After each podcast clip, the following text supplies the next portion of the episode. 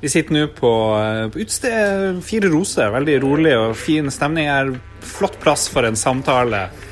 Dagens gjest, Jørn Veines, eh, doktorgradsstipendiat. Og driver og forsker på spill og, og læring. Hva er det spillutviklere kan lære i dag av din forskning, syns du? Nå må du holde kjeft. Det her er Roffelbua.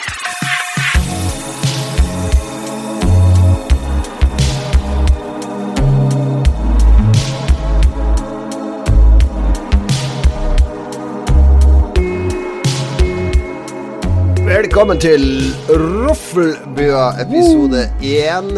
Uh, Lars, ikke si hva du har gjort i det siste. Nei. Ikke vi si kan ikke gjøre noe av det vi har gjort før. Er det sånn tingene? Det må skille seg fra det vi har gjort før. Så det vi har funnet ut, er at hver, vi takler hver Roffelbua som et litt sånn eget beist, kanskje. Ja, jeg elsker based. Vent litt. Vi Du, eh, denne første her, så vi prøver litt så å finne ut hva som funker og ikke funker. Så hva er det vi kan by på i dag? Vi er, du, jeg er ikke med, jeg er litt med her og der, men vi har spilt inn en del sånne opptak som vi har klippet sammen. Ja, Det blir en, bli, blir en Frankensteins monster av en podkast, fordi vi er litt her og der. Helst skulle vi jo vært på samme plassen, men kanskje vi er det seinere. Men det blir Du skal få høre fra eh, en god gammel lytter. Henrik Elman eh, stikker innom og sier hallo. Ja, jeg har hatt en eh, god venn innom Rune Fjell Olsen fra Level Up. Jeg har vært innom og gitt oss noen Patrion-tips og, og litt andre ting. Vi har jo noen eksklusive opptak da med noen internasjonal eh, verdensstjerne. Ai, Kan vi jo røpe. Altså Vi snakker toppolitikk, i øverste sjiktet og eh, ja, teknologi, og det er ikke måte på. Ja, jeg er veldig imponert over gjestene vi har fått eh, fra utlandet, det må jeg si. Og så er vi jo, vi er jo partnere med Radcrew, så vi har jo hacka oss inn på Red Crew sitt arkiv med forkasta opptak, og der har vi funnet en liten godbit med, med vår sjef eh, Jostein. Absolutt. Nei, det blir morsomt. Dette er jo en, den første, som du sier, Roffelbua, og vi har liksom ikke funnet formen. Vi vet ikke om vi kommer til å finne en fast form på det her, så det blir, blir et eksperiment. Og eh, strengt tatt så er det jo ingen som har betalt noe for det her enda. Det er jo først i august. Denne at, episoden eh, her er det ingen som har betalt for, vi var jo så jævla smarte at vi la ut vår Patrion 2. juli.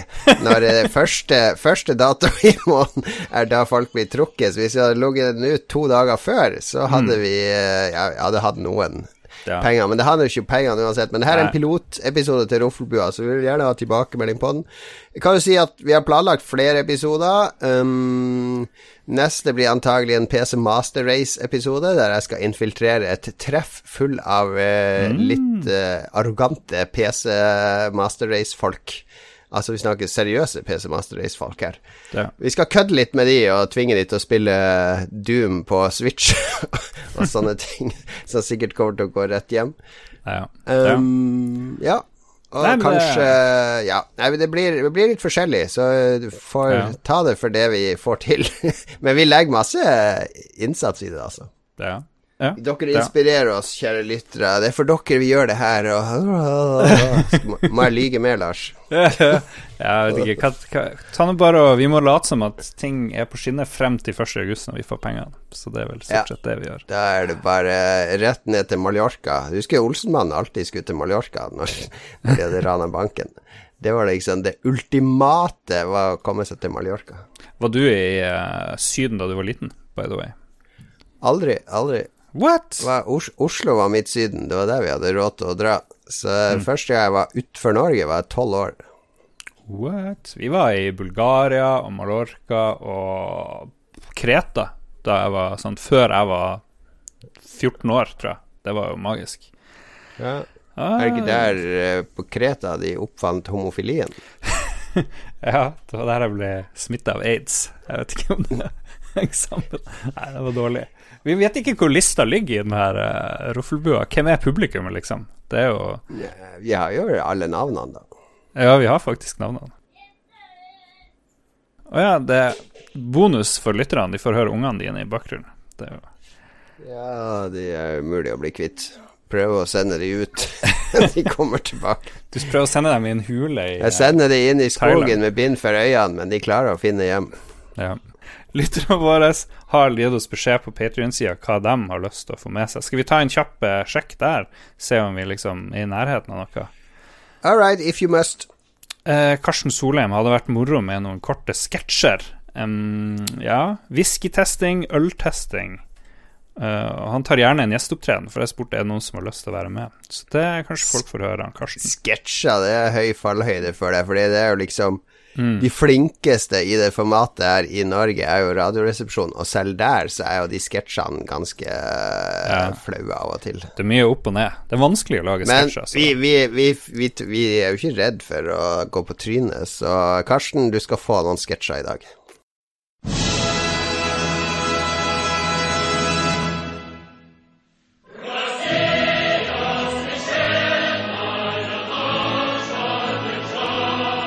Roffelbua er til stede der andre podkaster ikke kommer seg inn. Vi har et enormt nettverk. Eh, Våre backers har jo sørga for at vi har fantastisk mange kontakter rundt omkring i verden. Og vi har en russisk eh, patrion.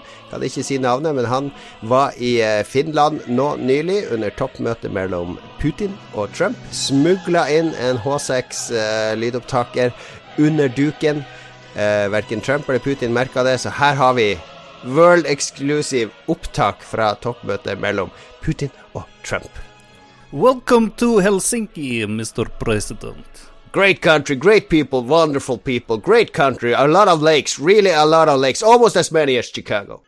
This could one day be your winter home, you know, Mr. President. It could be, it could be. I mean, if if the U.S. decides we go in and take Finland, we do it. I understand you guys tried that under uh, Second World War. You got your asses kicked. Well, that was before we start uh, relations with people from your country, like Steven Seagal. Do you know Steven? Oh yes, oh yes. Steven Seagal, great friend of mine, good friend of mine, wonderful man, wonderful person, really good. He's probably the, the, the most dangerous man alive right now. His fists, you know, his fingers, they can kill. Yes. His fingers, you can see one finger, two finger. I don't know how many fingers he need. They tell me he needs one finger, Yes. only one finger to kill one man.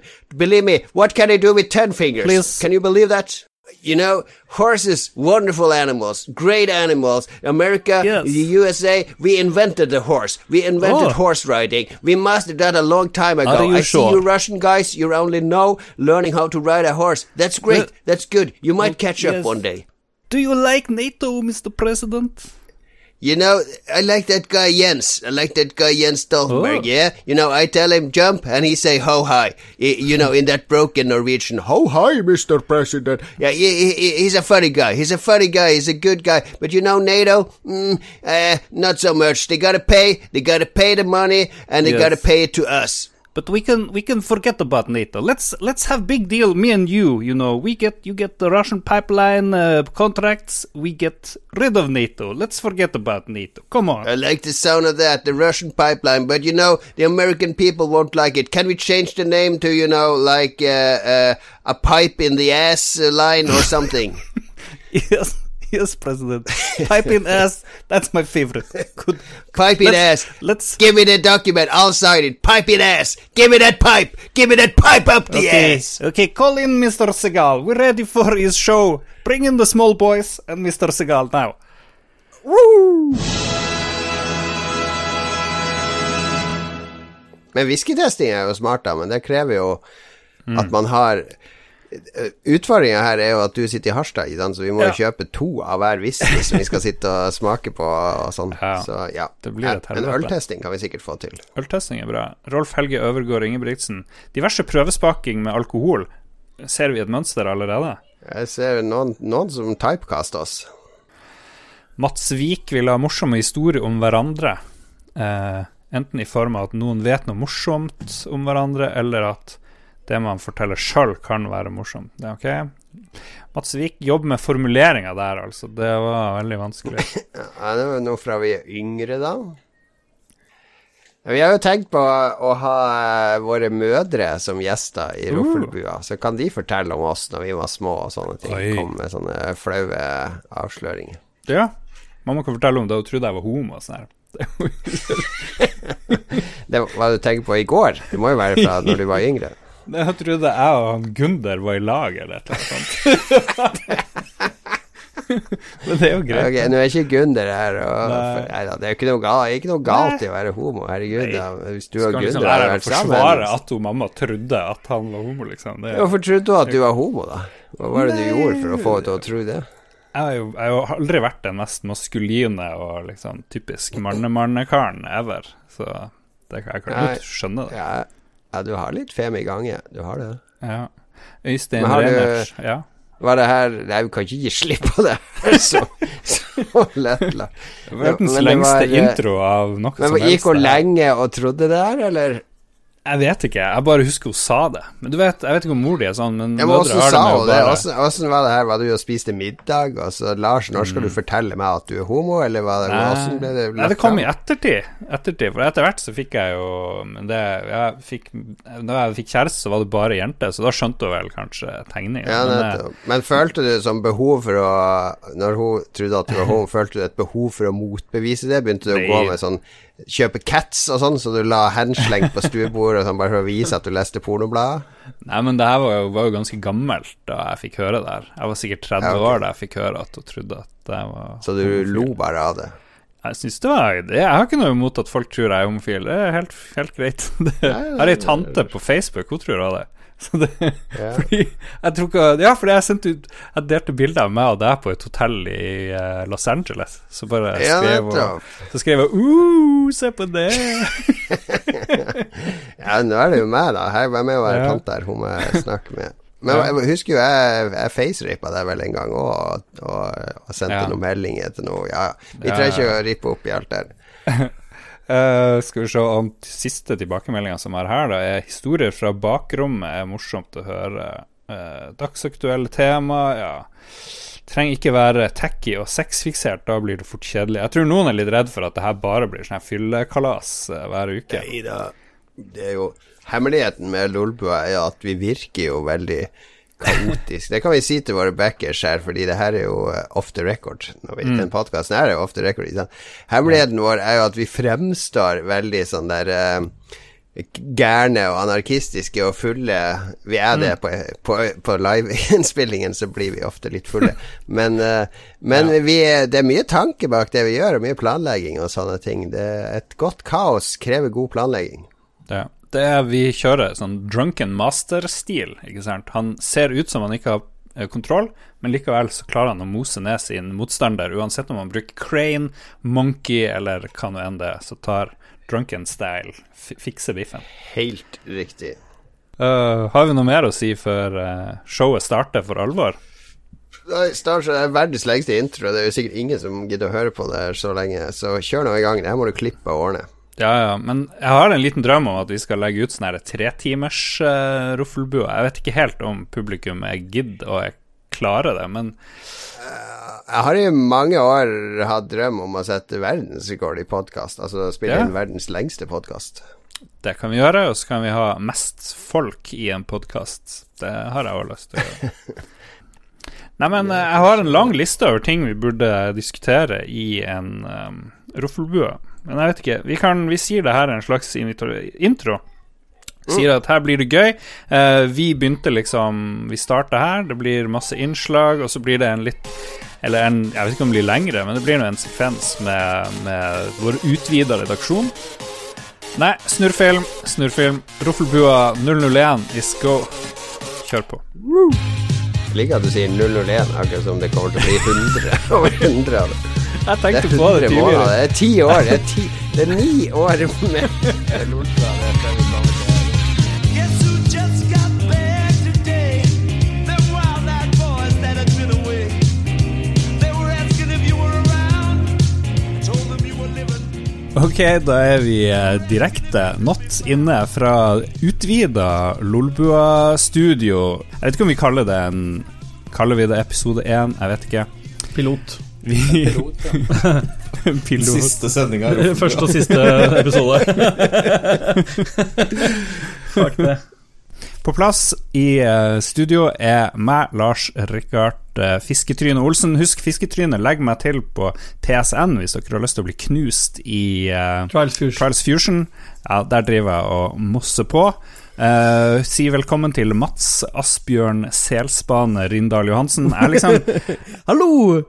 Hallo. God aften. Jeg driver og gir uh, uh, kallenavn til alle her underveis, tror jeg. Og Asbjørn Selsbane, Mats, hvorfor uh, Dere alle kjenner jo deg, men hvorfor tror du du har fått kallenavnet selsbane i dag? Nei, for han bodde sikkert ute på Trondenes, og så drepte han jævlig mye sel. Spana på selv. Han er en viking, og han, og han liksom begynte Han drepte noen konger og sånt, men vi hadde jo Viking Games i hagen her, og det var du som var lederen Ja, for ja. det. Kub. Eh, vi spilte kubb, ja. Eller Cube. og ble, og ble bitt av 3000 mygg. Men det, det sørga du for. Ja. Mm, kanskje Men vi må han, på, å bodde han på Trondenes? Dette er veldig viktig informasjon å få frem. jeg tror, jeg, Om han bodde Han var i hvert fall på besøk på Trondenes. Ja. og så er det en statue av han ute i En statue? eh, Ervika. Ja. Ute i havet der. Du vet han som står Mats? Ute Og Ja, statue av Mats. Og så prøvde, Eh, de, og så prøvde de å lage sånn fancy art installation. Men Sier du statue, eller sier du statue? Jeg sier statue. Jeg bare avklare det før vi går videre. Statue. Hva som, litt hva som er korrekt uttalelse av eh, statue? Stat, ja, statue. Statue. Statue. Ja. Det er bare Lars okay, som Statue. Spesiell. Statue. Uh, sier ja, dere hørte den liflige stemmen til Ståle, son of Alec Baldwin, Baldwinsson. Ikke funnet opp noe spesielt morsomt nikk der, fordi som vi har slått fast for ikke så lenge siden, jeg kjenner egentlig ikke det. Nei. Vet kun at du er paramedic, Og tjukk. og hva det andre? Og Ja. tjukk. Nettopp. Så jeg tenkte at ditt kallenavn kunne være den feite paramedicen, men det ville jo vært litt drøyt. Men hva heter han, hva heter han skuespilleren igjen fra den uh, Bringing Out the Dead, han tjukkasen der? Da har du det perfekte. Han der, han er jo tjukk paramedic. John Candy. Nei du, mm, Candy. John Candy er død, det var hyggelig av deg. ja. Det var dårlig gjort, Lars. Ja, ok. John Goodman. Um, Ja, riktig. hva da? Mm. Ok, ja vel. Interessant. Si også velkommen til Christian eh, Tranduil Tjessem. What? Um, ja. Kan du forklare bakgrunnen til det? Ja, vet du hvem han Tranduil er? Nei? Det er jo uh, alve, skogalvekongen. Og du er jo Alv og skog, konge. Ja, det var jo spot, spot on der, Lars. Eh, Det kunne ikke vært bedre. Du har jo, du har jo nettopp vært i Solskogen, husker ikke du det? Nei, jeg var ikke i Solskogen. Var du ikke? Nei, dessverre. Jeg fikk ikke? Du det var jo blander. Jeg blanda. Det var veldig dårlig kallenavn. Ja, Du, du, du, var på. Gubbdata, ja. Jeg tenkte at du var en av de som var på det her. eh, Old man Christian kan du kalle meg da. Jeg var på Gubbdata, ja, det stemmer. Gubbdata. Ok, det var veldig dårlig eh, research av meg. Du er ikke Tranduil, du er bare old man. Yes. Eh, til slutt, Dag Thomas Broder Tuck eh, Olsen. Velkommen. Broder Tuck, du får forklare det nå. Er det bare fordi at jeg også er feit? Det er grilling og sånt etter Friar Tuck, er det ikke det? Eller? Nei, Hva gjorde Broder Tuck i, eh, i um, Robin Hood-historien? Kom fra Tuckfors. Han brygga øl, eh, må dere skjerpe dere. Ja, Stemmer og der er jo du stor, eh, så vidt. Jeg står i hvert fall mjød, da. Ja. Eh, Brygger Ja. ting. Velkommen. Eh, folk har hørt kanskje litt til uh, Christian uh, Oldman Tjessem før. Har vært med på noen sånne spesialsendinger, men ikke så veldig ofte. Nå er du liksom med behind the scenes i Lolbua, og, men folk har i hvert fall ikke hørt uh, Dag Thomas eh, Broder Tuck Olsen. Eh, Du, du, må, du må kalle navnet før etternavnet, Lars. Jeg tenkte vi kan jo, vi kan jo introdusere de helt de veldig nye. Eh, først Kristian Christian Tjessem. Hva hva er det folk husker deg for, tror du? Uh, I Lolbua-sammenheng, eller tenker du generelt uh... Når han er død, når han er død liksom, kan det står på gravsteinen og sånn? Husker meg for det røde håret, tenker jeg. Nei, eh, det er vel eh, Kanskje min C64-bakgrunn, jeg vet ikke. Det er jo derfor jeg iallfall har forvilla meg inn i, eh, i denne sfæren her. Du er vår kommodore og uh, kanskje bilspillekspert, jeg vet ikke. Det, Og fotograf. Hofffotografen. Ok, ikke bli aggressiv. Ro deg ned, ja. Jævlig irritert han er, Kristian. Fotograf! Jeg er fotograf! Du har tatt sykt bra bilder på de her uh, treffene våre. Ja, det har du. takk. Som folk har sett på her og der. Etter hvert i Lolbuas historie, fremtidige planer, så kommer det kanskje mye gøy, eh, forhåpentligvis, med Christian. Vi skal holde det litt hemmelig fremdeles, men velkommen skal du være her i eh, første Roffelbua-episoden. Tusen hjertelig takk. Og så har vi Dag Thomas. Du er jo Vi kjenner deg gjennom han Mats. Stemmer. Eh, gjør vi. Og du driver og mekker og ordner med vår Discord, Ja. først og fremst, eh, enn så lenge. Og så har du litt med vår eh, up and coming sånn her kleslinje. Ja, ja. Jeg vet ikke hva det heter. Designer. Klesdesigner. Ja. Ja, så det er kult. Det er kult.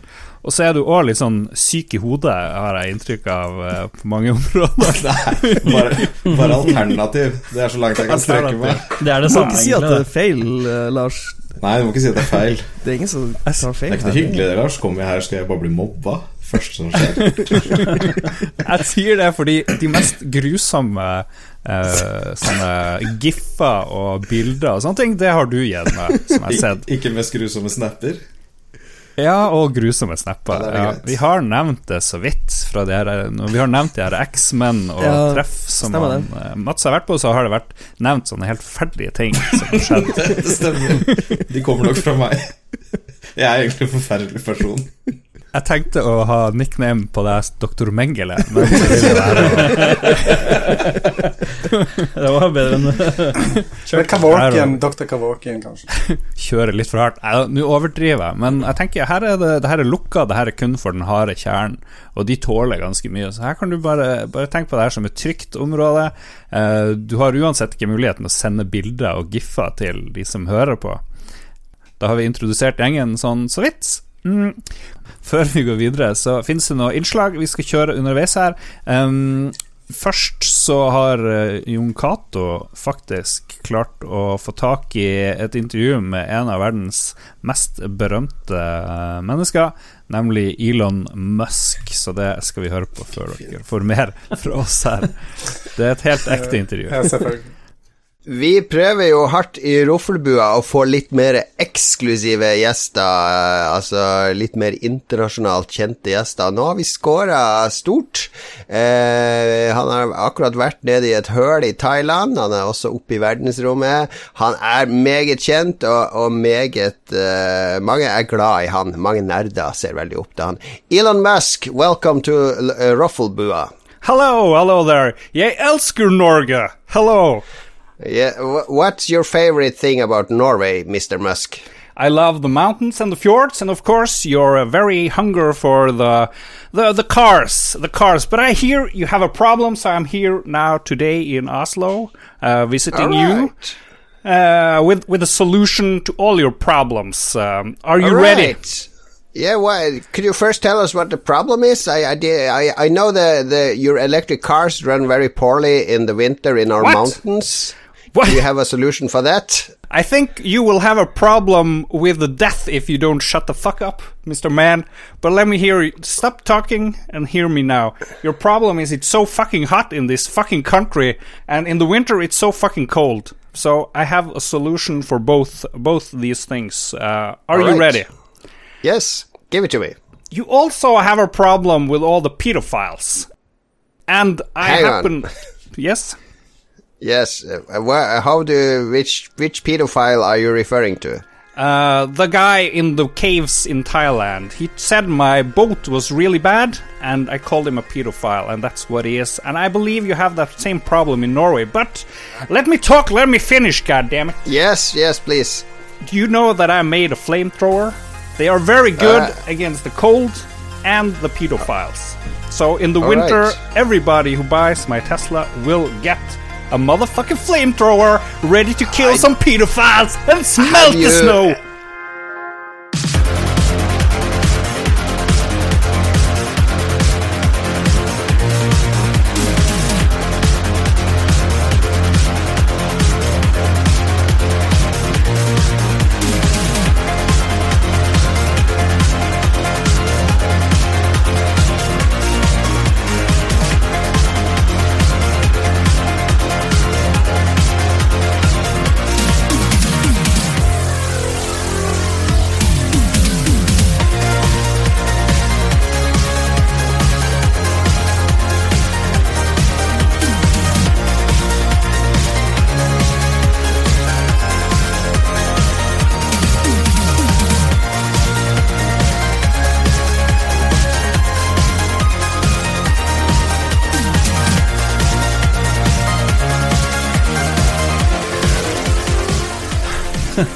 Ok, da er vi tilbake.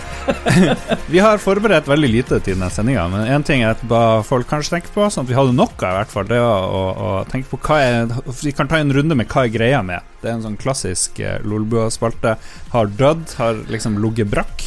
Um, og det eneste man trenger å gjøre, det er å komme med en eller annen ting eh, man har tenkt på. Kanskje en, en nyhetsting, eller kanskje litt sånn der uh, Sittet på flyet og spist peanøtter og tenkt 'oi, så liten posen er', og sånt. Uh, den er jo kanskje brukt, men Den er brukt nå, ja. den er brukt nå.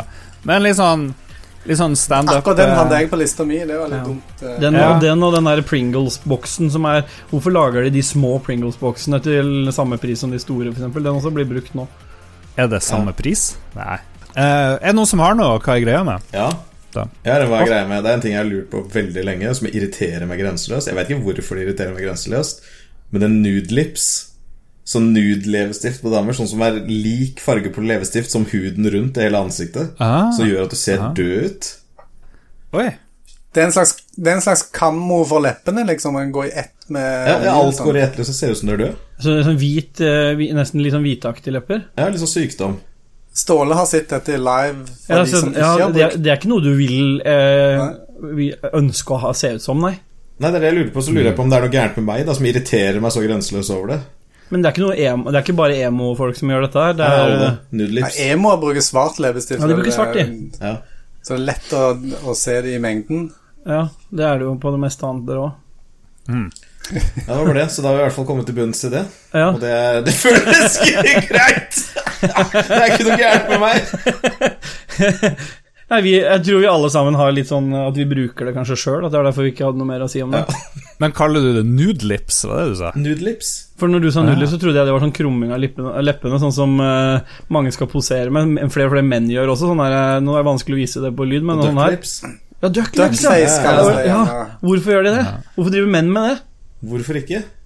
Ja, det er for så vidt et godt poeng. Men, men du sier at det er sånn døde folk ser ut, men jeg tipper at døde folk får litt mer sånn blå leppe, eller hvordan leppe Nei, de får døde sånn folk? ut. Nei, alt, blir, alt går rett. Ah, ja. Det blir sånn gul, gulhvitt. Blå, blått er vanlig hvis du har litt lite oksygen i Men eh, ja. blodet blir liksom ikke sirkulert lenger, så da blir det bare sånn hvitaktig, sånn som man sier. Eller hvis det er royalty. Eller hvis det er royalty. Ja. Hvis du har royalties. Da jeg var i Japan, så var det en stil som het cowgirl-stilen, og den tror jeg fins enda. Eh, Da bleike Det er Hvilke og- steder er du var på? Det er på gata, overalt.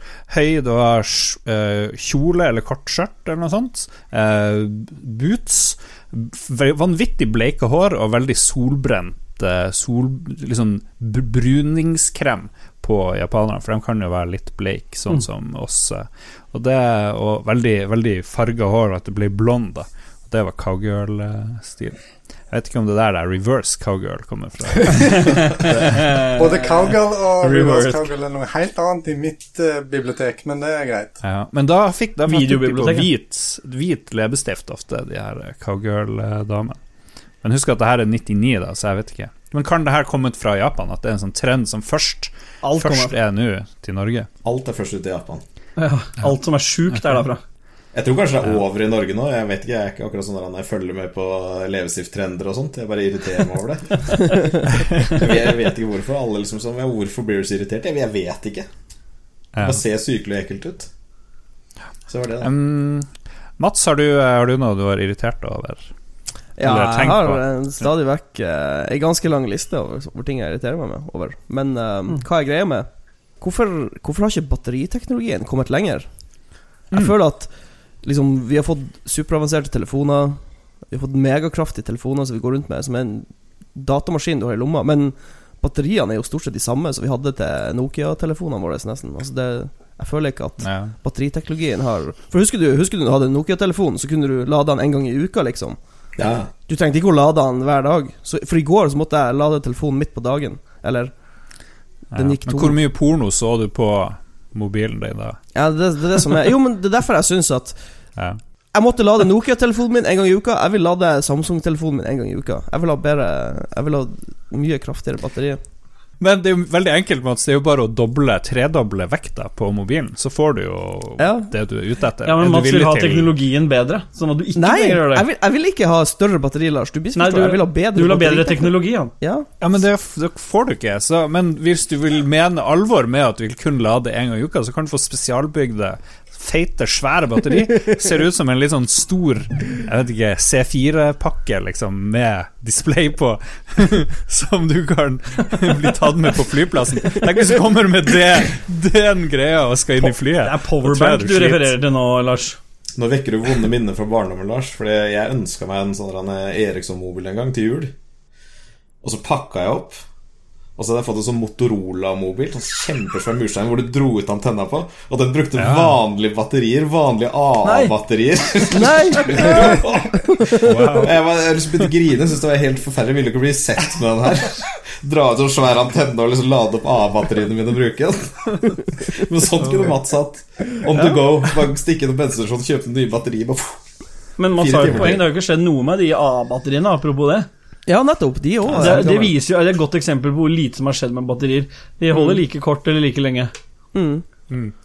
Så jeg tror eh, Jeg vet at uh, lyspæreindustrien var jo tidlig ute med å eh, gjøre sånn at lyspæren bare lever så og så lenge, sånn at folk må gå og kjøpe nye. Og jeg tror akkurat det samme er med batteri. For hvis de hadde lagd sånne megabra batterier som varer lenge, og så du ikke trenger å bytte ut hele tida, så hadde noen tapt veldig mye penger på det. Så jeg tror det der Det er er en korrupsjon eller en sånn konspirasjon bak her. Ja, planned no. up. Big, ba Big Battery sitter og Mm. styrer Big batteries. Det, dere hørte det her først. vi, kommer til å lage en, en, en sånn superspesialartikkel. Lars kommer til å skrive den. Det kommer til å være sånn 20 sider med bilder. Stakkars Lars. Mm.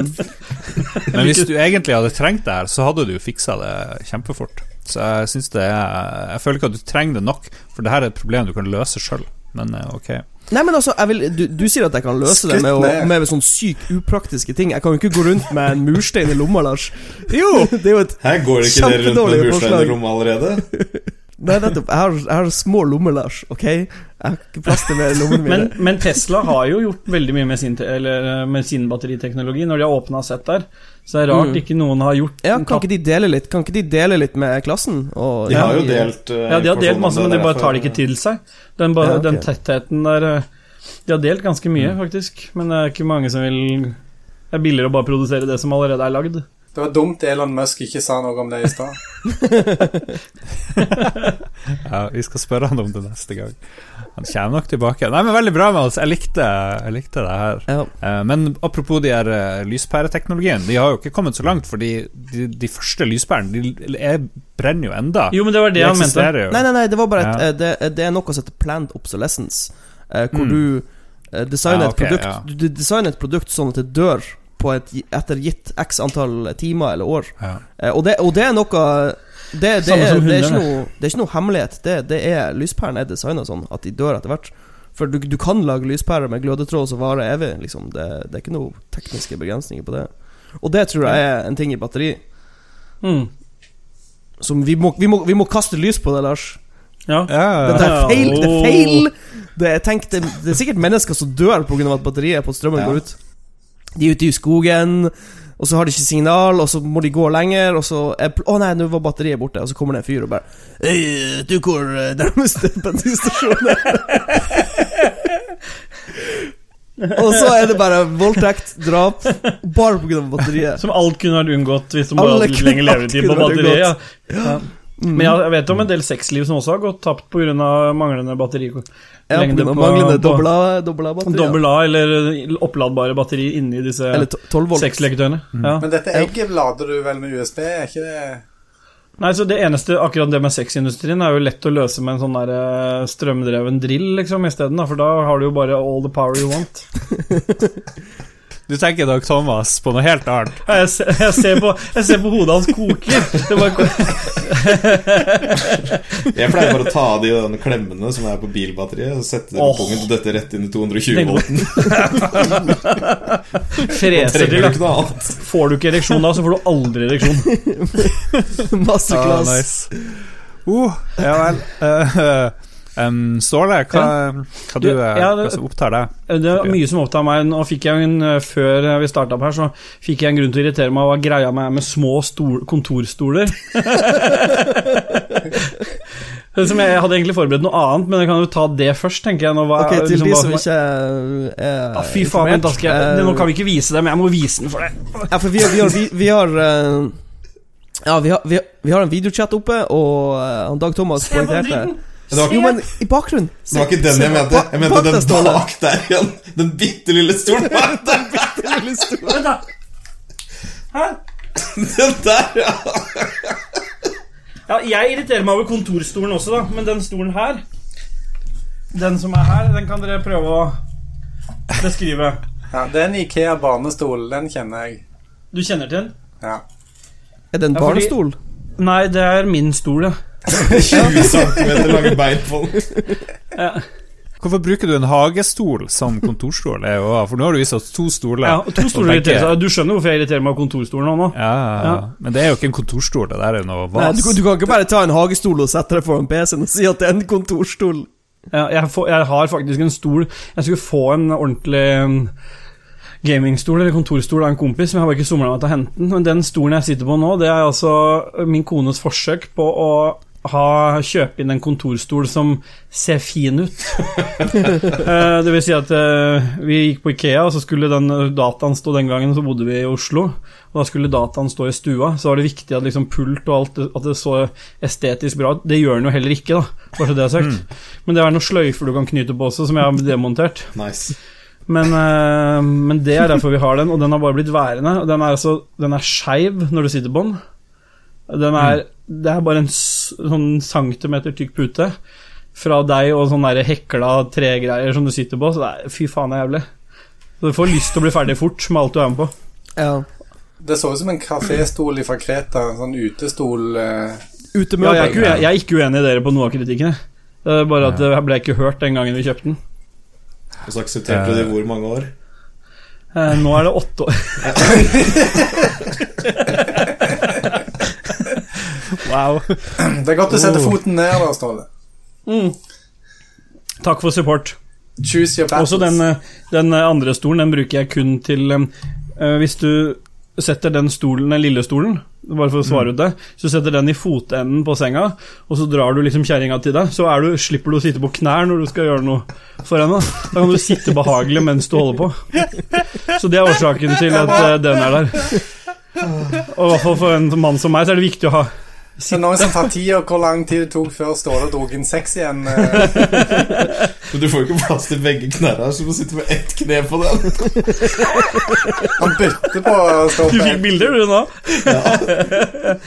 jo, da, det får det til å funke. Det er bedre enn å sitte på knærne, i hvert fall. Oi, oi, oi. Det her er magisk. Det her er valuta for penger, folkens. Kjære backere som har betalt ti dollar. eller Ti mer. dollar for å få høre på den dritten. Oi, oi, oi. Hva du egentlig skulle ta opp? Det jeg egentlig skulle ta opp med hva er greia med, ja. det er hva er greia med folk, og det er sånn jobbrelatert, egentlig, som provoserer meg mest. Fordi øh, jeg har en del sånne punkter som kanskje ikke dere kjenner til så mye, men jeg kan starte med å spørre når, Hvis en av dere liksom føler behovet for å ringe 113, hva er liksom Hva bør, det, hva, hva bør ha skjedd da? Hjerteinfarkt. Der har vi et svar. Du mangler kjøttdeig til tacoen, f.eks. Ikke sant? Nå begynner du å snakke om det, nevne ting som, jeg, som faktisk begynner å være sant. Du, det er så jævlig frossen der taco. Jeg får aldri smelta eller liksom tint det her før vi skal ha Hvorfor får du fredagstaco. frossent kjøtt? Ja, vet du hva? Det er altså nesten på det nivået der. For det, hva er liksom greia med folk og det derre Google og for, altså folks forventninger til hva de skal få? Nå har jeg en liten sånn her kjenner jeg begynner å koke litt bare jeg snakker om det. Det har, jeg, jeg har nevnt noen sånne Jeg har skrevet, notert meg opp noen sånne punkter på noen typiske ting vi kan få. Da snakker vi at vi kjører med blålys ute. Vi har 40-åringer med vondt i magen i flere dager. Det var for lang kø på nummeret til inn til legevakta. Omgangssjuke, forkjølelse i noen dager, barn som har ramla ned fra egen høyde og slått seg, hodepine fordi de mangler Paracet, dette er sant, kutt i finger, kompiser som ikke vil passe på den fulle kompisen sin, så de ringer oss for å kjøre den hjem fordi de skal feste videre, hemoroideproblemer som er nyoppstått, brystsmerter de siste 14 dagene, ryggsmerter, forstuet hånd, førstegangs mens fordi mor var redd, og filme mens jeg står og jobber, hva faen er greia med det? Det lurer jeg på. Hva er det du gjør når du møter opp med huset, og det er første gang noen har fått? Er det Åssen rydder du opp i det? Ja, du vet hva, Da må jeg ta den praten. Fordi datter hadde ikke fått den samtalen, og mor trodde ikke at det var det. Så de lurte på hvorfor det kom så mye blod. Hæ. Så da måtte vi ta den praten bak i ambulansen på hvor, hva dette her kunne være. Det er sant. Oi. Hvor lenge har du irritert deg over de her tingene der? Nei, det begynner å bli 13 år. Det blir bare verre. Det er godt du endelig fikk utløp. Folk googler 'kutt i fingeren', og så står det at hvis du ikke gjør noe med det, så kan det bli infeksjon, og så kan det bli blodforgiftning eller sepsis, og så kan du dø. Og da er det bare én, noen som kan redde opp i det, og det er liksom Da skal vi ikke reise noen plass, da blir vi sittende helt i ro. Og så venter vi at noen kommer og hjelper oss med det problemet. Jeg har, en, jeg har en sånn absurd høy terskel for å ringe 113. Det må være sånn seriøst at noen har blitt skutt i Har du ringt ansiktet. det før? Eller jeg aldri, nei, jeg har aldri ringt Jeg har aldri ringt 113. For jeg tenker, jeg tenker liksom legevakta er plassen man går for, Ja, det er det. for, for det meste. Fordi det er det for 99,9 av tingene så er legevakta Det skal være det. Men Så- det er ikke det det blir til, og der har man en voldsom økning på Men det er kanskje et større var- problem på Østlandet? Jeg vet ikke. Jo så lenger sør du kommer, jo større er problemet. Vi hadde jo Vi hadde for noen år siden den askeskyen eh, kom fra Island. Ja. Så sendte vi noen eh, ressurser oppover til Nord-Norge for å hjelpe dem fordi det, flyene ble innstilt. Mm. Og samtlige av de som kom ned igjen, så liksom, var, de sa det var en helt annen tilstand. Hadde, han ene fortalte om en person som hadde hatt brystsmerter, akutte brystsmerter. Og han satt kjempestressa fordi det var fire timer til de ikke var framme, men fire timer til de skulle bytte med en annen bil i et nytt fylke som skulle ta over transporten videre. Og han pasienten måtte klappe på han kollegaen min på, på låret og si liksom Det går bra, det er langt igjen ennå. Så de har liksom en helt annen forventning til liksom til hva, Altså Det er bare lenger unna, og når du først ringer, så skal det være dårlig. Men den, jo lenger sør du kommer, så jo mer, jo mer tettsted du bor i, jo mer er forventningene til Kom og fiks ting for meg nå. Og derav det med kjøttdeig. Det er ikke langt unna at du får den der får ikke tint kjøttdeigen. Har dere noe tinen med? Kan du bruke sånn der eh, bryst, sånn der hjertestarter til å tine kjøttdeig, tror du? Uh, det jeg vet jeg ikke, men det kunne vært et interessant eksperiment. da Jeg har tulla med, med det til en person en gang. da Som jeg mener var helt, Nå er det ikke så mange som hører på, da, men jeg tulla med og sa det en gang til en som jeg lurte på om jeg ikke ville våkne for jeg- Jeg mistenkte at det her var bevisst med vilje, så sa jeg det. At um, ja, ja, nei, får ikke noe kontakt, da, så får vi bare fyre opp hjertestarteren. Og da bare satt den seg opp i senga igjen, gitt. Funka det. Det var ikke bare tull, da. Så hadde jeg rett. uh, awesome. Du kan også si til han der Du må vi sette adrenalinsprøyte rett i hjertet. Det også er veldig Da effektivt. hadde jeg vokste jævlig fort, i hvert fall. Hvis du, da, du, hvis du faker, så våkner du. Det lurer jeg på. Det er for, den berømte scenen fra Pulp Fiction, er det en ting faktisk man gjør? Å sette sprøy Det slår meg Gjorde som veldig farlig å sette noe rett i Vi Jeg gjorde det før, men jeg har, ikke vært brukt på mange Men kan du ikke Men det en, hjertet og liksom ødelegge klaffene? jo, jo, det er derfor de har gått bort fra det. Ja, ok. Men det var jo en tid, det var en tid Altså, akuttmedisin har jo vært litt sånn Det har skjedd veldig mye på veldig kort tid.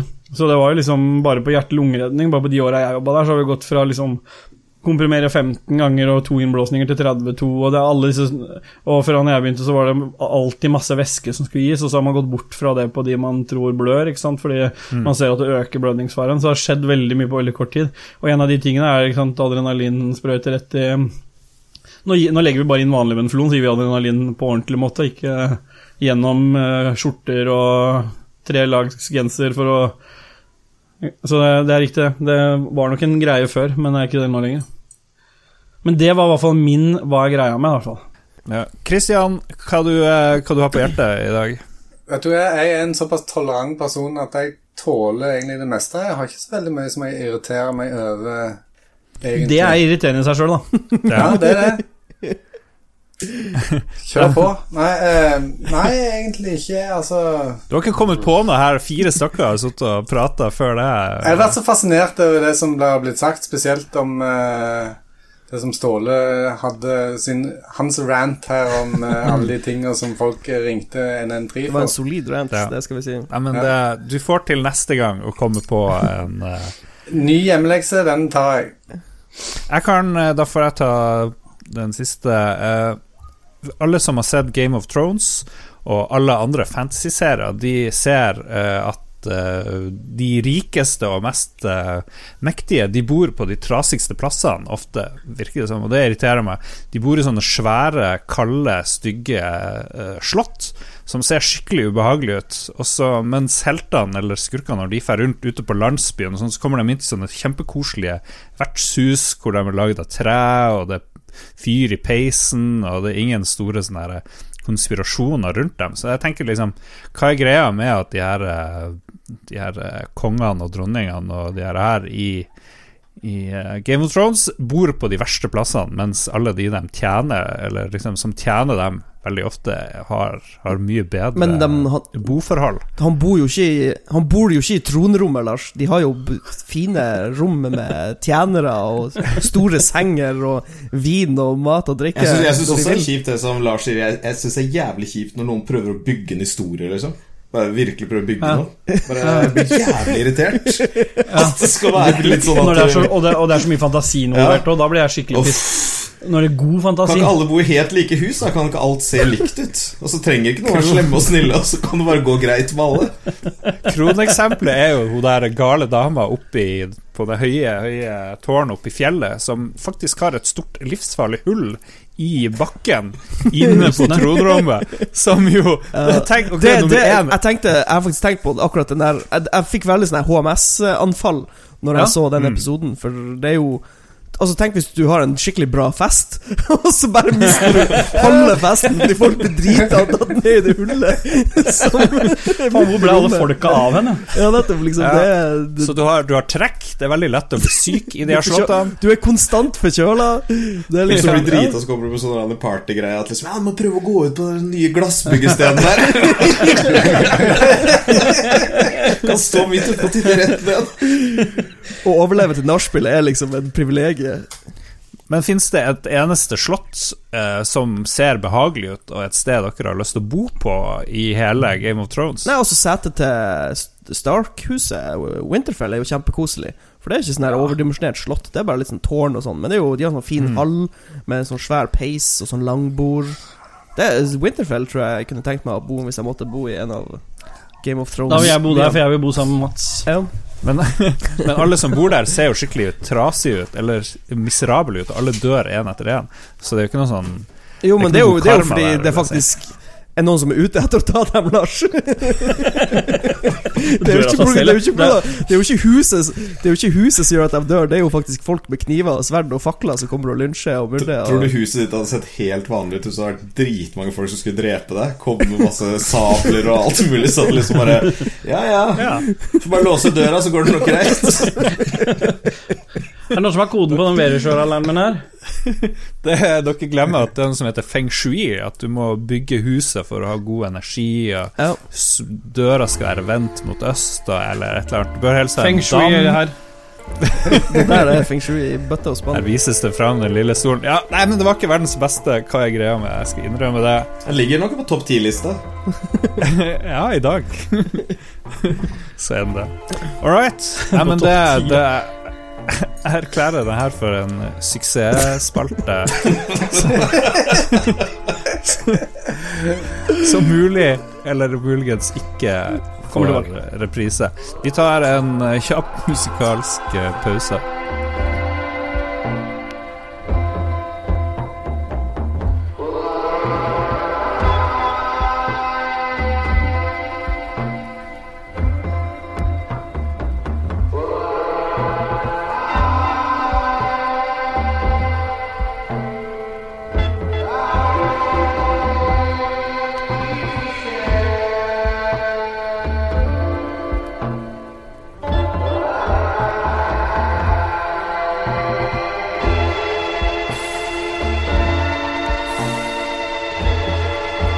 Dere er helt nye, nesten Dag Thomas, du er helt ny. Kristian, nesten helt ny. Så kan vi jo ta en liten, eh, en liten historisk reise eh, tilbake til fortida. Eh, far og mor har nettopp funnet ut at det er på tide å få barn. Kanskje det var et uhell. Kanskje det var eh, kriminelle, ting. Eh, vi vet ikke, vi dømmer ingen. Men dere kom nå Antyda du nettopp at mødrene til en av de ble voldtatt?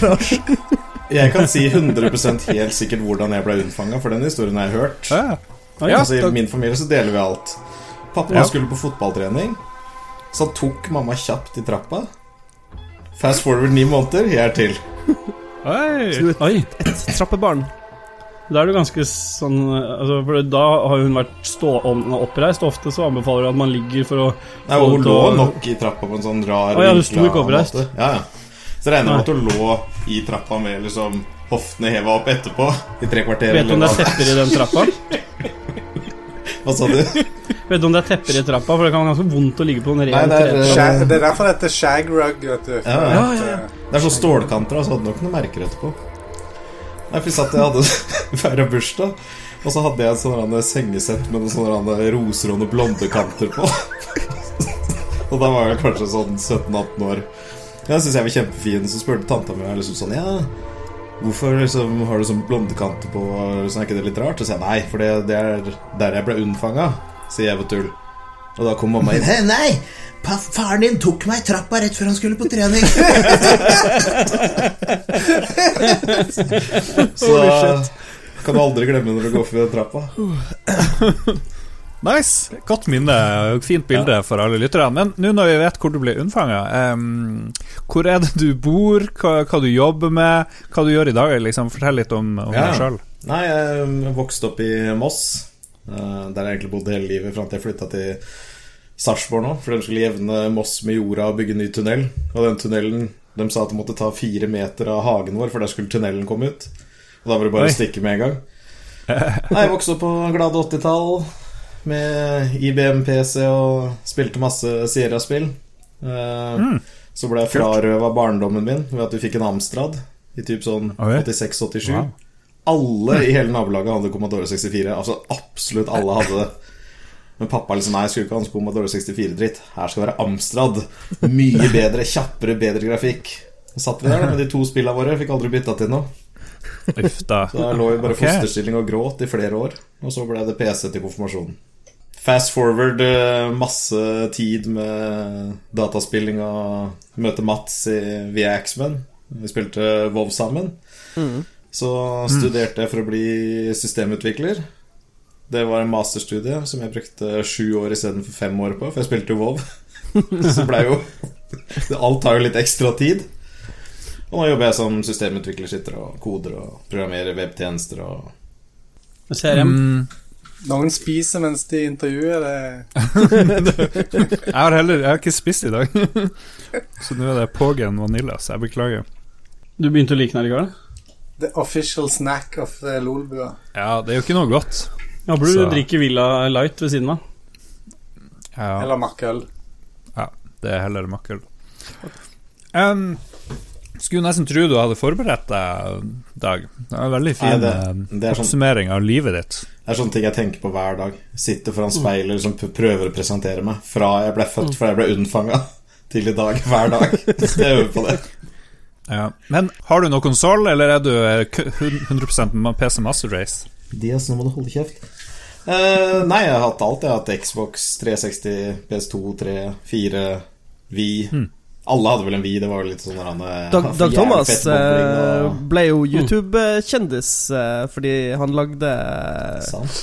Han gjorde sånn at du kunne bruke Wii-motesen i World of Warcraft. Stemmer Kan det. ikke du fortelle om det? Jo, jo. Nei, jeg brukte noe, var noe sånn der, Python-kode og litt forskjellig rart som gjorde at du kunne bruke Vi-kontrolleren i World of Warcraft. da Så bare la jeg ut en liten snutt på det hvor jeg liksom snakka på Skal norsk. du og Bare, så skal, du, kan du hoppe, og så kan jeg gjemme meg, og så slår du litt, og så blei det jo en sånn eh, 500 000 sånn eller eh, et eller annet. Ja, ja. Og alle driver liksom bare og mobber hvordan jeg sier ting, da. Og det, det er liksom det som er morsomt. Bare 'hoppe, hoppe', står det i kommentarer. Og så er det liksom med alle ting jeg legger ut som jeg egentlig ikke tror at noen fra utlandet vil like, så skjer jo det. Akkurat som før Diablo 3 ble lansert, så lagde jeg en sånn Ambilight-klone bak skjermen min. Og så flyr jeg rundt i Tristram, og så driver jeg og skyter noen sånne lightning bolts, og så noen meteorer fra himmelen, så sier jeg boom, boom. Og så tar jo han Bashiok fra Blizzard og reposter den videoen på sin uh, Twitter. Og alle kommentarene er bare boom, boom. så det er bare så gjenganger at jeg bare blir mobba for alt jeg legger ut. Det må jo være et nytt kallenavn, da. Ja, Boom, ja. Dag Thomas Boom. tror det må være det. Ja. Men på, men på PlayStation på PSN så heter jeg jo Snoop Doggy Dag. For det var det feteste jeg kunne kalle meg når jeg oppretta den kontoen. Ok, det, det blir min neste Hva jeg greier med Det er da Sony. Sony eh, Kan vi ikke ta en liten greie om Sony? Og hvor Jo. Ja. jævla tilbakestående de er? For det første så kan du ikke bytte nickname på Mm. PSN. Det, det går bare ikke. Du, du er stuck med det du valgte for ti år siden. Ja. Fordi de har ikke teknologien for å bytte navn. Hvorfor er det så jævlig treg download speed når du skal laste ned spill på PlayStation? Bra, Mats. Du får sånn her 1,5 megabyte i sekundet maks. Hvis du får mer enn det, så sitter du faen meg i Tokyo. Og så har de ikke crossplay, de hater crossplay. Men all, mens alle andre store Altså Microsoft omfavner det jo nå. De var, greit nok Microsoft var imot det før, men nå er det Sony som er imot det. Uh, hva mer? Jo, dem Jeg vet ikke. Det er sikkert mer. Ranten min stoppa brått. jeg gikk tom for ammunisjon, men ja. Det, det er ting som har du holdt inne lenge. Det har du holdt inne lenge, tror jeg. Lars kan loope den ranten der tre ganger etter hverandre. Ingen som hører Ja. på alt som blir sagt imellom. Ja, men det, det er mer. Det er, det, er, det er mer. Det er mer. Jeg kommer bare ikke på det akkurat nå. Helt, helt siden Sony hadde en sånn rootkit-greie som de hadde på enden Jeg tror det var en CD-plate med musikk. At hvis du skal spille den på PC-en, og, og du trykker ja på å installere noe greier, så la de inn et rootkit på PC-en. din. helt siden da så, så har ikke jeg hatt noe sånn særlig sansen for uh, Hadde du det? For uh, ja, Faen, det- det er ikke altså, bra. De, nei, det er ikke det. Og her sitter jeg med Sony headset på meg og sier dette. Selvfølgelig. Ja, men samme kan jo også Det er jo dårlig Jeg vil bare si at det er dårlige ting med Microsoft òg. Trenger ikke liksom bare disse Nei, det er ikke mye For at, dårlig. ja, jeg hadde sånn en gold membership. Når jeg hadde Ja, ja. Xbox 360 min, så hadde jeg sånn gold membership hvor du fikk liksom masse spill og greier. Den kan du ikke bare si opp. Det var ikke noe kontrollpanel for å si opp den. eller og da måtte du ringe ned sånn engelsk nummer, og så måtte du sitte og snakke med folk og gi masse informasjon. Og jeg syntes det var så awkward at jeg bare la på til slutt. Så jeg lot dem bare gå til kortet gikk ut. Men nå, nå, nå kan du gå inn, logge deg inn og fjerne den recurring Jo, for jeg var samme Jeg den hadde, recurring-greia. Ja, det, jeg hadde, jeg hadde også Xbox 360 da jeg var student. For den kunne du jo eh, Du kunne lage backup av spillene du selvfølgelig eide lovlig. Ja, stemmer det. Eh, men for å spille multiplayer på Xbox 360 så måtte du ha det der berømte gold-medlemskapet. Du kunne ikke spille multiplayer uten å ha det. Stemmer. Og det var, jeg tror det var veldig mange som var i vår situasjon. Og da, jeg husker når jeg, skulle, når jeg solgte min Xbox, så skulle jeg kansellere det her abonnementet. Og da, da måtte du ringe til sånn klein, Mm. eh, klein telefongreie og bare det sånn var dritawkward. Jeg vil, jeg vil slutte.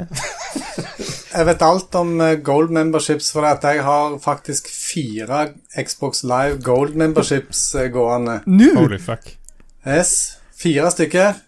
Hvorfor i all Men verden? det, det, det Altså, jeg, har- jeg har jo eh, en eh, mancave med fire sånne racingstoler og fire setup eh, Eller tre racingstoler, og så har jeg en ekstra gold membership i tillegg, liksom. Så dette Altså må du fortsatt ha gold må- for å spille multiplayer.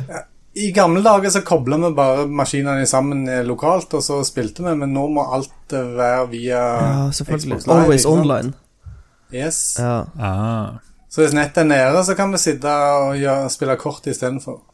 Nå tok du jo og hoppa inn eh, Ja, det, sterkt her. Ja, men det er veldig bra, Fordi da kan jo du fortelle litt, eh, om din bakgrunn.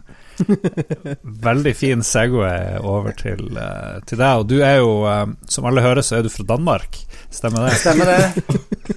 Der som Rad Crew kom ifra. Så dette, det, Rad Crew har jo sendt meg som undercover. Det er ingen som vet. Å, sa jeg det høyt? Ja, men det går bra. Vi, vi vet det, og vi jatter med. Mi, mi, ja, jeg kom, eh, som du hører, fra Jæren, fra Rogaland. Og eh, selv om det ikke høres sånn ut, så har jeg bodd på Østlandet i 20 år. Hmm. Uh, starta min datakarriere i 1984 med at jeg fikk en Commodore 64 av foreldrene mine til jul. Gikk det kanskje et par år, så begynte jeg å fikle med maskinkode og sånt på den. Og, og um, her sitter jeg i 2018 og fremdeles programmerer maskinkode på Commodore 64. Det er kult. Det er jo awesome. Hva er greia med folk som sitter og programmerer på et maskinkodespråk fra 70-tallet? Ja. Um, Nei, altså driver jeg selvfølgelig litt med litt nyere teknologi òg. Xbox One er, er skikkelig fan av eh, bilkjøring og sånt, så Forza Motorsport 7 er det som eh, gjelder nå for tida. Det er installert på tre Xboxer i mancaven, tre racingstoler, rattpedaler, alt uh, the works. Ja, vi skal, legge, vi skal legge ut en video av det her et eller annet sted, og det, Det ser jo gjøre. helt amazing ut. Og på et eller annet tidspunkt så må vi nok ta et oppgjør internt i Lolbua-redaksjonen på å se hvem som faktisk er best til å kjøre. Oh. Og da kan jeg stå på sidelinja, jeg skal trekke meg ut siden jeg eh, Det er Hva som er- litt urettferdig. Hva som er det beste spillet for å finne ut hvem som er best til å kjøre? Nei, jeg vil jo si at det er Forza Motorsport eh, er det beste simulatorspillet, iallfall. Det, Mm. er ikke, det er ikke noe sånn særlig arcade-feeling i det i det hele. Så dette Er det lite sånn her uh, driving du assistance? kan, ikke bare ligge på, du kan ikke bare ligge på vantet liksom, rundt og bare gi gass og bare henge i svingen. Du må liksom være på banen og mm. Jeg savner, jeg savner bilspill. Vi spilte mye Grand Turismo da jeg var i militæret, og så har det liksom Mm. bare forsvunnet litt ut av livet mitt. Det. Det der han har sett og Corsa, får du det på Xbox da? Eller er det bare på PC?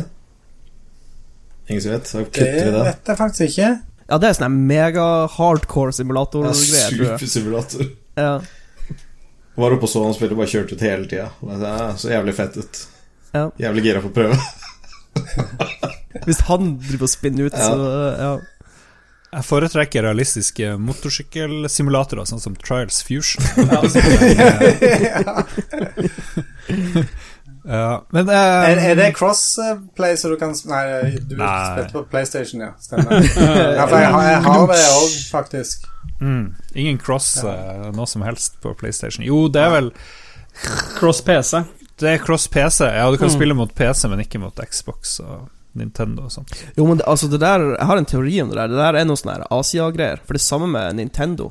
De er jo megaforvirra over alt som er internett. De forstår jo Du må jo fortsatt ha sånn vennekode og greier på Nintendo hvis ah, du fy fader. Altså, hva er det som skjer med i Asia? Har de internett der?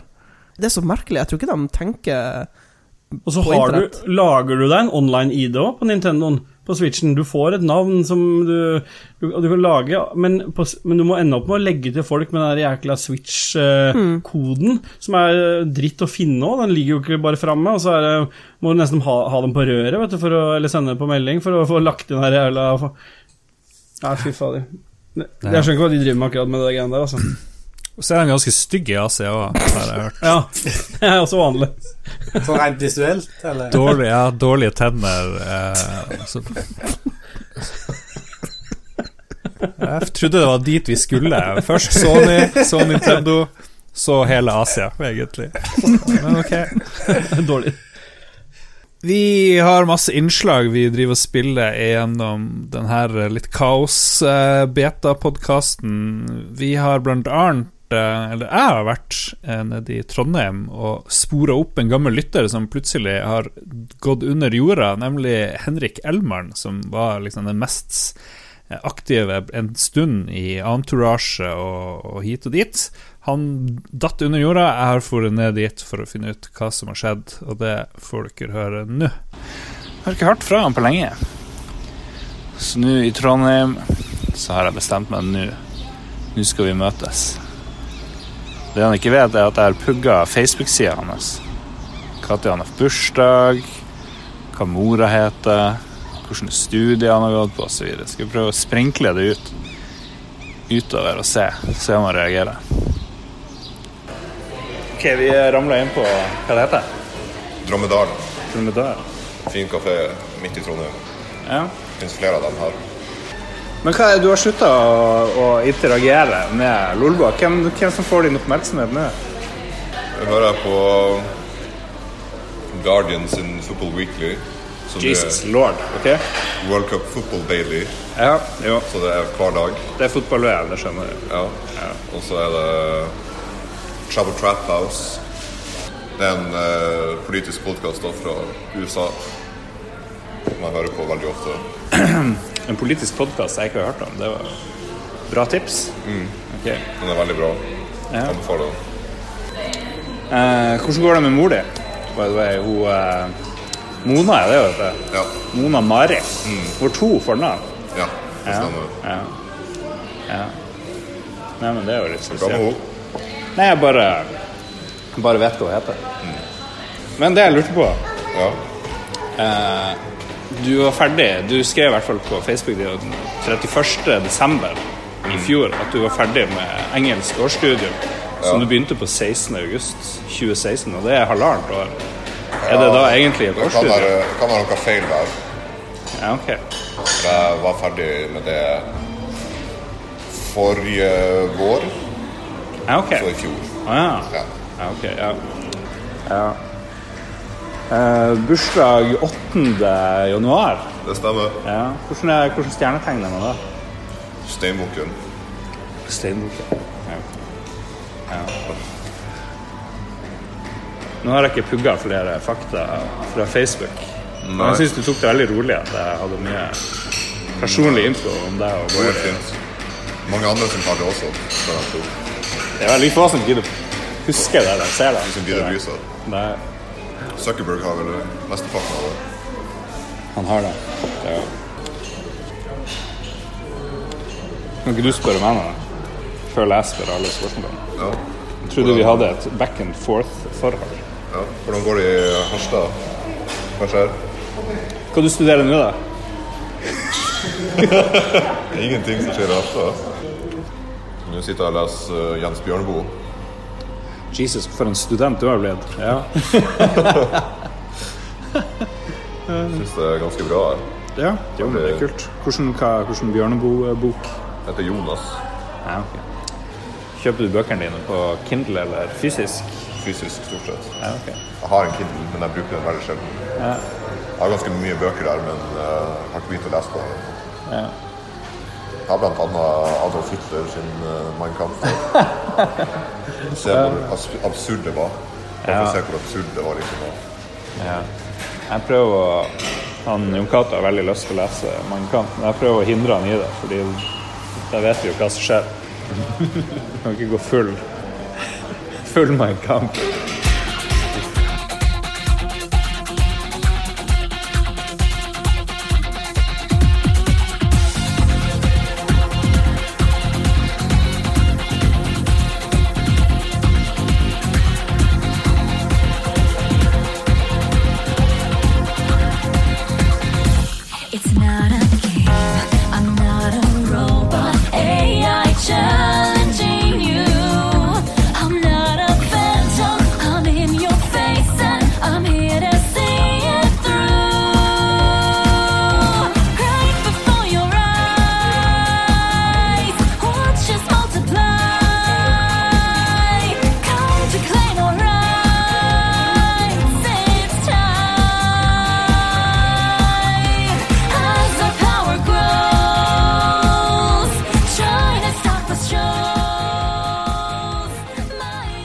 Nei, det flaueste for å liksom bare skissere spillet man har lyst til å spille eller har lyst på, så er det som for meg Star Citizen. Jeg kan ikke snakke om det. Kan aldri si noe mer om det spillet.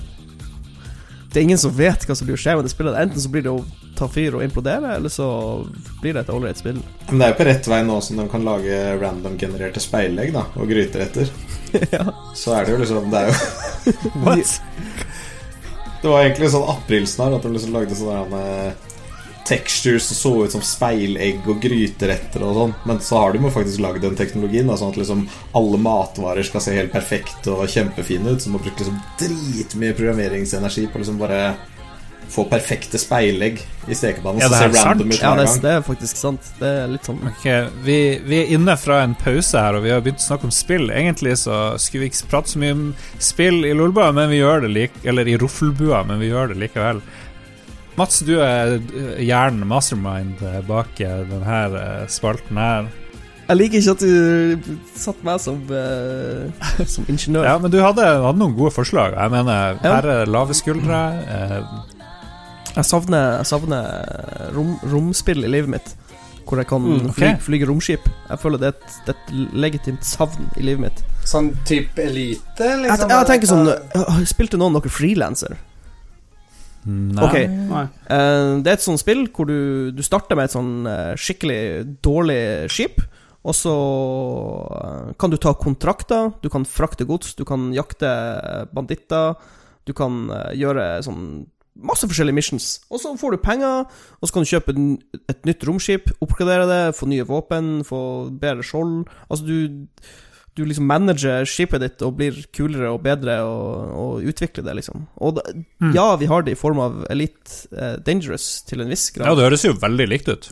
Jo, men Elite er liksom Det er så hardcore eh, grind for å få seg et nytt skip der. Du må liksom fly flere timer med sånn eh, transportmission og sånn. Mens frilanser var litt sånn her For det første så var det jo bare singleplayer. Det var jo bare et fint lite singleplayerspill. Så jeg vet ikke, jeg føler jeg vil ha et sånn her eh, offline singleplayer-romspill hvor jeg kan gjøre de tingene, pluss kanskje en litt kul story. For det får du jo ikke i Elite. Du får ikke noe, noe, noe skikkelig sånn campaign story-feeling. Ja. Så jeg vet ikke. Noe sånn? Jeg er litt enig. Jeg savner, jeg savner det samme sjøl. Mm. Er det ikke det? Det er flaut å innrømme at man liksom Man ønsker jo at Star Citizen blir bra. Ja. ja, for vi har det der fantastiske Star Citizen. For det har en singleplayer-del, og det har en multiplayer-del. Det, det syns jeg de har gjort rett, det, i sammenligning med Elite. For de har den Squadron 42-delen, som kan bli ganske kul. Uh, så jeg vet ikke. Men ja, Star Citizen, altså. For et prosjekt. For, de, jeg føler at de har sånn her de har, veldig, eh, de har veldig fine ambisjoner, men eh, jeg føler at ressursene blir brukt litt feil til tider. Hva du syns Dag Thomas? Er du enig? Litt, litt feil er vel eh, understatement of the century. Altså De har jo Ja. utrolig mange som jobber med det, og så er det sånn Tre måneders utvikling på å lage random-genererte speilegg og gryteretter. Sånn at hver eneste gang en NPC lager middag, så ser det speilegget annerledes ut. For liksom, Ja, Det er noe av det viktigste for at jeg ikke skal breake immersion. For at jeg liksom Yes, nå er jeg virkelig på den romstasjonen her. De speilegga der, helt forskjellige fra de, de jeg så i går. Mm. Og så virker det som Det virker som de har lyst til å lage sånn her eh, feature complete 1.0-greie. At de ikke prøver å lage én ting. For eksempel, de, de kunne lagd bare eh, romskipdelen ferdig, og så bare sluppet det og sagt ok, nå er vi ganske fornøyd med romskipdelen, men nå har de begynt å lage den der infanteridelen, som heter Star Nei, hva heter det? Trooper? Nei Jeg husker ikke. Men de har i hvert fall en sånn, en sånn first person shooter-del som de utvikler parallelt med, med rom... Ja, Med romskipdelen. Sånn at du kan, du kan fly med skipet ditt, og så kan du fly til en romstasjon, og så kan du gå ut av skipet. Altså, alt er helt sømløst. Og så kan du gå inn på en stasjon, og så slåss med noen banditter der, og skyte, og hente en koffert, og gå tilbake igjen, og gå inn i skipet ditt og fly bort. Og det er jo en utrolig kul idé, men kanskje liksom seksjonert det litt opp og delt litt opp, og jeg har ikke blitt ferdig Få en sånn ferdigfølelse på noe før de prøver til alt. De har sånn kjempebredt spekter, og så går, går det fremover veldig sakte, føler jeg. Nå har de i hvert fall noen måneder og noe greier du kan lande på som er Ser ut som isørkner og stå der nede Ja. og vinke og gjøre noen motes og ha det gøy. Ja. Og så fikk du vel mining nå forrige patch. Jo da, Det det går sånn- jo fremover. Jeg har, jeg har prøvd det. Jeg har spilt det. Jeg spilte veldig mye Arena Commander, der, du bare flyr rundt i romskip og skyter hverandre som en FPS. Og det var dritbra. Jeg syntes det var kjempekult. Og så tok det en uke, og så endra han på all fysikken, for da skulle de ha det på en annen måte. Da var det ikke så kult lenger. Og så endres det bare Ja, og så måtte de vel gå over til de måtte, Det var en sånn mega-transition fra 32 til 64-bit, for de fant ut at de kunne ikke lage store nok systemer Mm. i 32-bit. Så jeg vet ikke, den, når du spilte Arena Commander, da var det vel fortsatt Ja, det var lenge 32-bit, sikkert. Ja. Ja. versjon 1.3 Så- eller noe sånt. Er det 3.1. De har, de har, ja, og så bør vi kanskje nevne at de uh, bruker Cry, CryEngine. Eller nå har de kanskje gått bort uh, fra Nei, nei. Nei, de har fortsatt CryEngine. Ja, det er CryEngine, men det heter Lumbiard nå. Da. Den Amazon kjøpte jo fra Ja. Crytek. Alle er- spillutviklere sier jo at um, Du hørte det her først. Ja, alle spillutviklere sier jo at uh, CryEngine ser veldig sånn attraktivt og deilig ut på avstand, og så når du begynner å utvikle i det, så er det sånn Å, herregud, Ja. er det for sent å bytte? Kan vi få prøve noe annet? Dette er Ja. helt forferdelig. så, Hva er det de sa? De brukte, de brukte vel fire år på å fjerne den der som står midt på skjermen hvis du skal bort og åpne en dør, eller noe sånt, så står det 'use' Mm. i en sånn texture i CryEngine.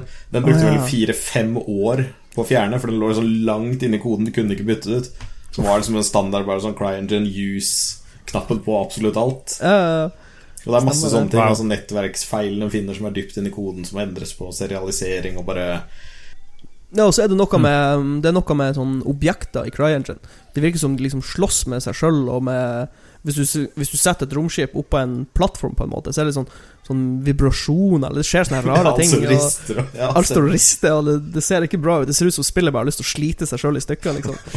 så det er Jeg, jeg, er litt redd, jeg er litt redd for Star Citizen, må jeg innrømme. Ja.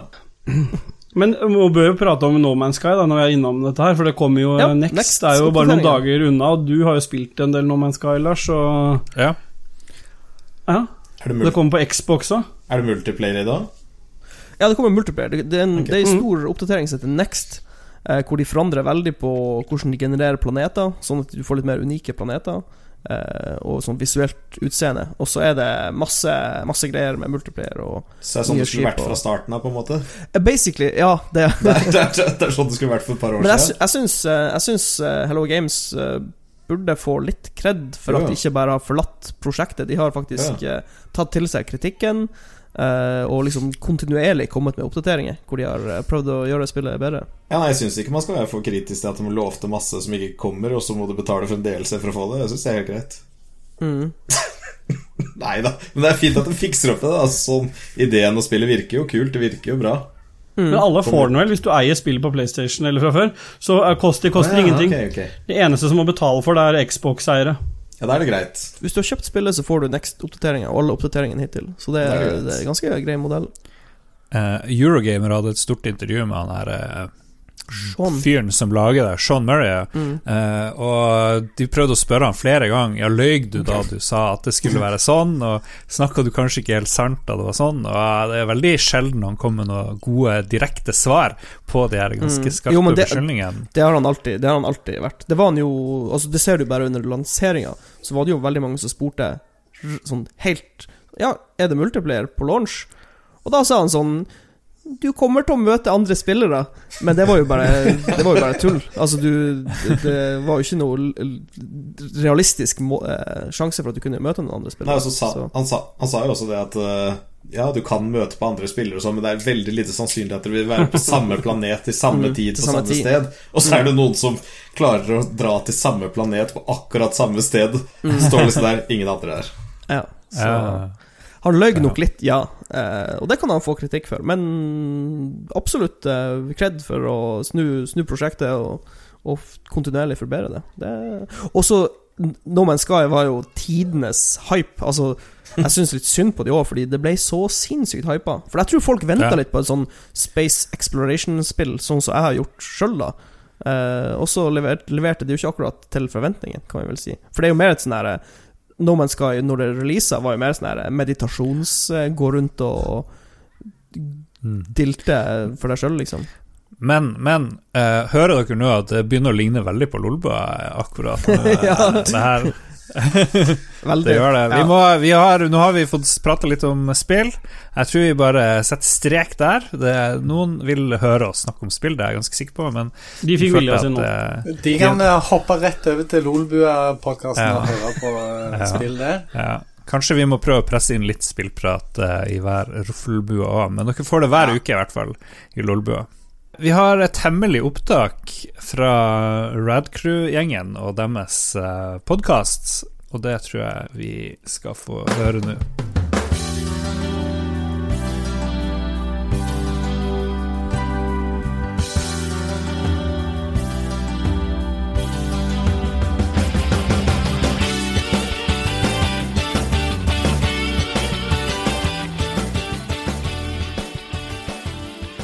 Og du hører på Red Crew Nights her med meg, Jostein Hakestad.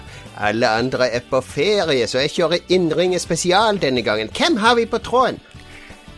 Det skal du drite i. Nei, vent nå litt her. Det- Dette er mitt program. Du må oppføre deg. Hvem snakker jeg med? Det, det, det er Milkshake, Madsen. Hallo. Ja vel, Milkshake Madsen. Velkommen skal du være, Milkshake Madsen. Hva er ditt svar på ukas spørsmål? Vel, først så må du slå henne i hodet mange ganger. Så finner du frem den sirkelsag, og der er det party startet. Bare husk å putte din submarine på autopilot, og Vent litt, vent litt, Madsen. Hva, eh, sa du at ditt fulle navn er? Hva, er Der der, har du, har du dårlig hukommelse? Det er da Sykkel-Larsen. Larsen? Du sa i stedet var Madsen. Uh, mitt navn er Jojo Seinfeld. Ok, ok, det er ikke viktig, men ukas spørsmål handler om dine fem beste wrestlingøyeblikk i et spill. Hva er ditt svar, Madsen? Uh, vel, nå skal du høre. Først så setter du på filmmusikk til The Hunt for Red October. Så må du lukke døren til din submarine og sette på autopilot før du starter med din siste. Det var en viktig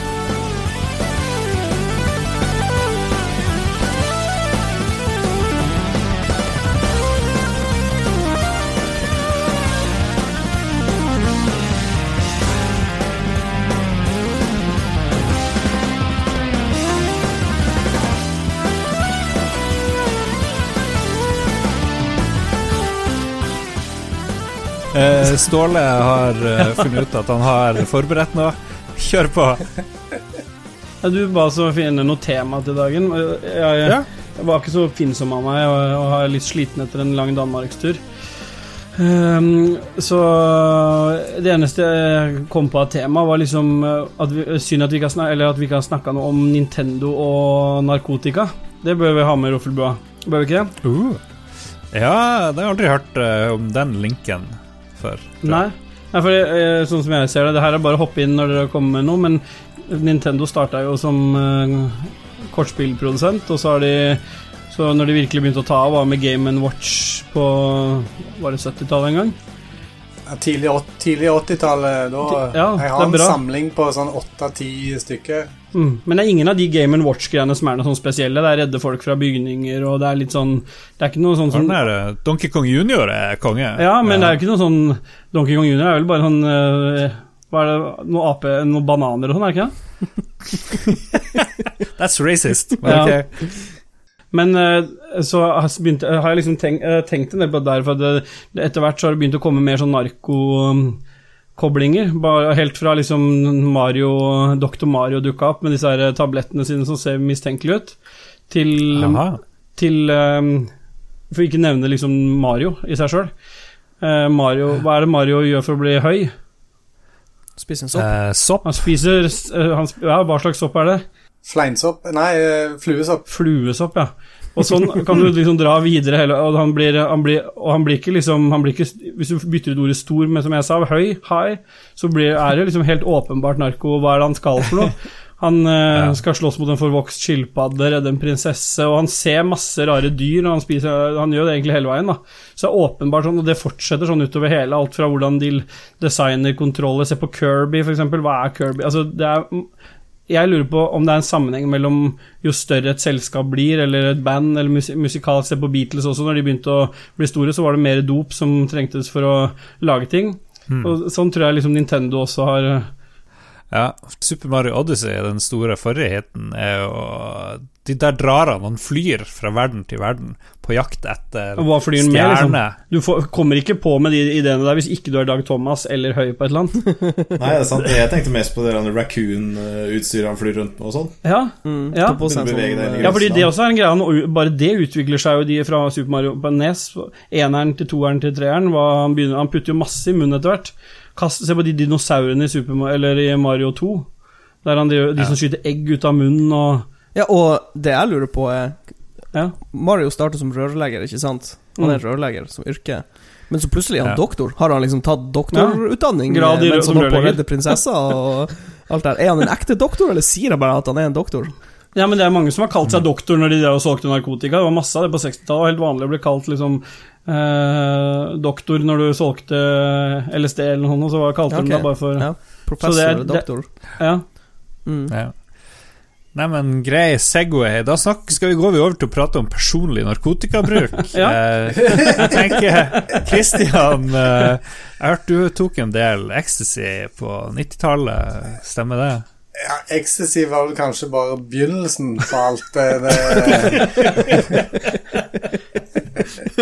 Nei, tuller. Nei, tuller, det, det, men jeg husker at det i begynnelsen av eh, min på en måte, hva, hva skal du kalle det, Lolbua-karrieren, jeg ble introdusert når jeg hadde sendt inn noen meldinger og sånt på Lolbua, så var jeg narkotikasmugler, husker jeg, av en eller annen grunn. Det var antagelig koblingen eh, Navnet Tjessem, kanskje, Ja, ja, ja, ja, til han eh, Ja. En eller annen slektning av Mette-Marit, eller noe sånt. Det, Det har du helt rett i. Har, har vi spurt om du er i slekt med Mette-Marit noen gang? Hva, hva, skal jeg si? Kanskje. Ja. Jeg vet ikke. Uh, Langt ute. Jeg har aldri vært i noe familieselskap med den gjengen der, for å si det sånn. Ok, Du er ikke invitert, er det du sier? Nei, det er det jeg sier. Ja.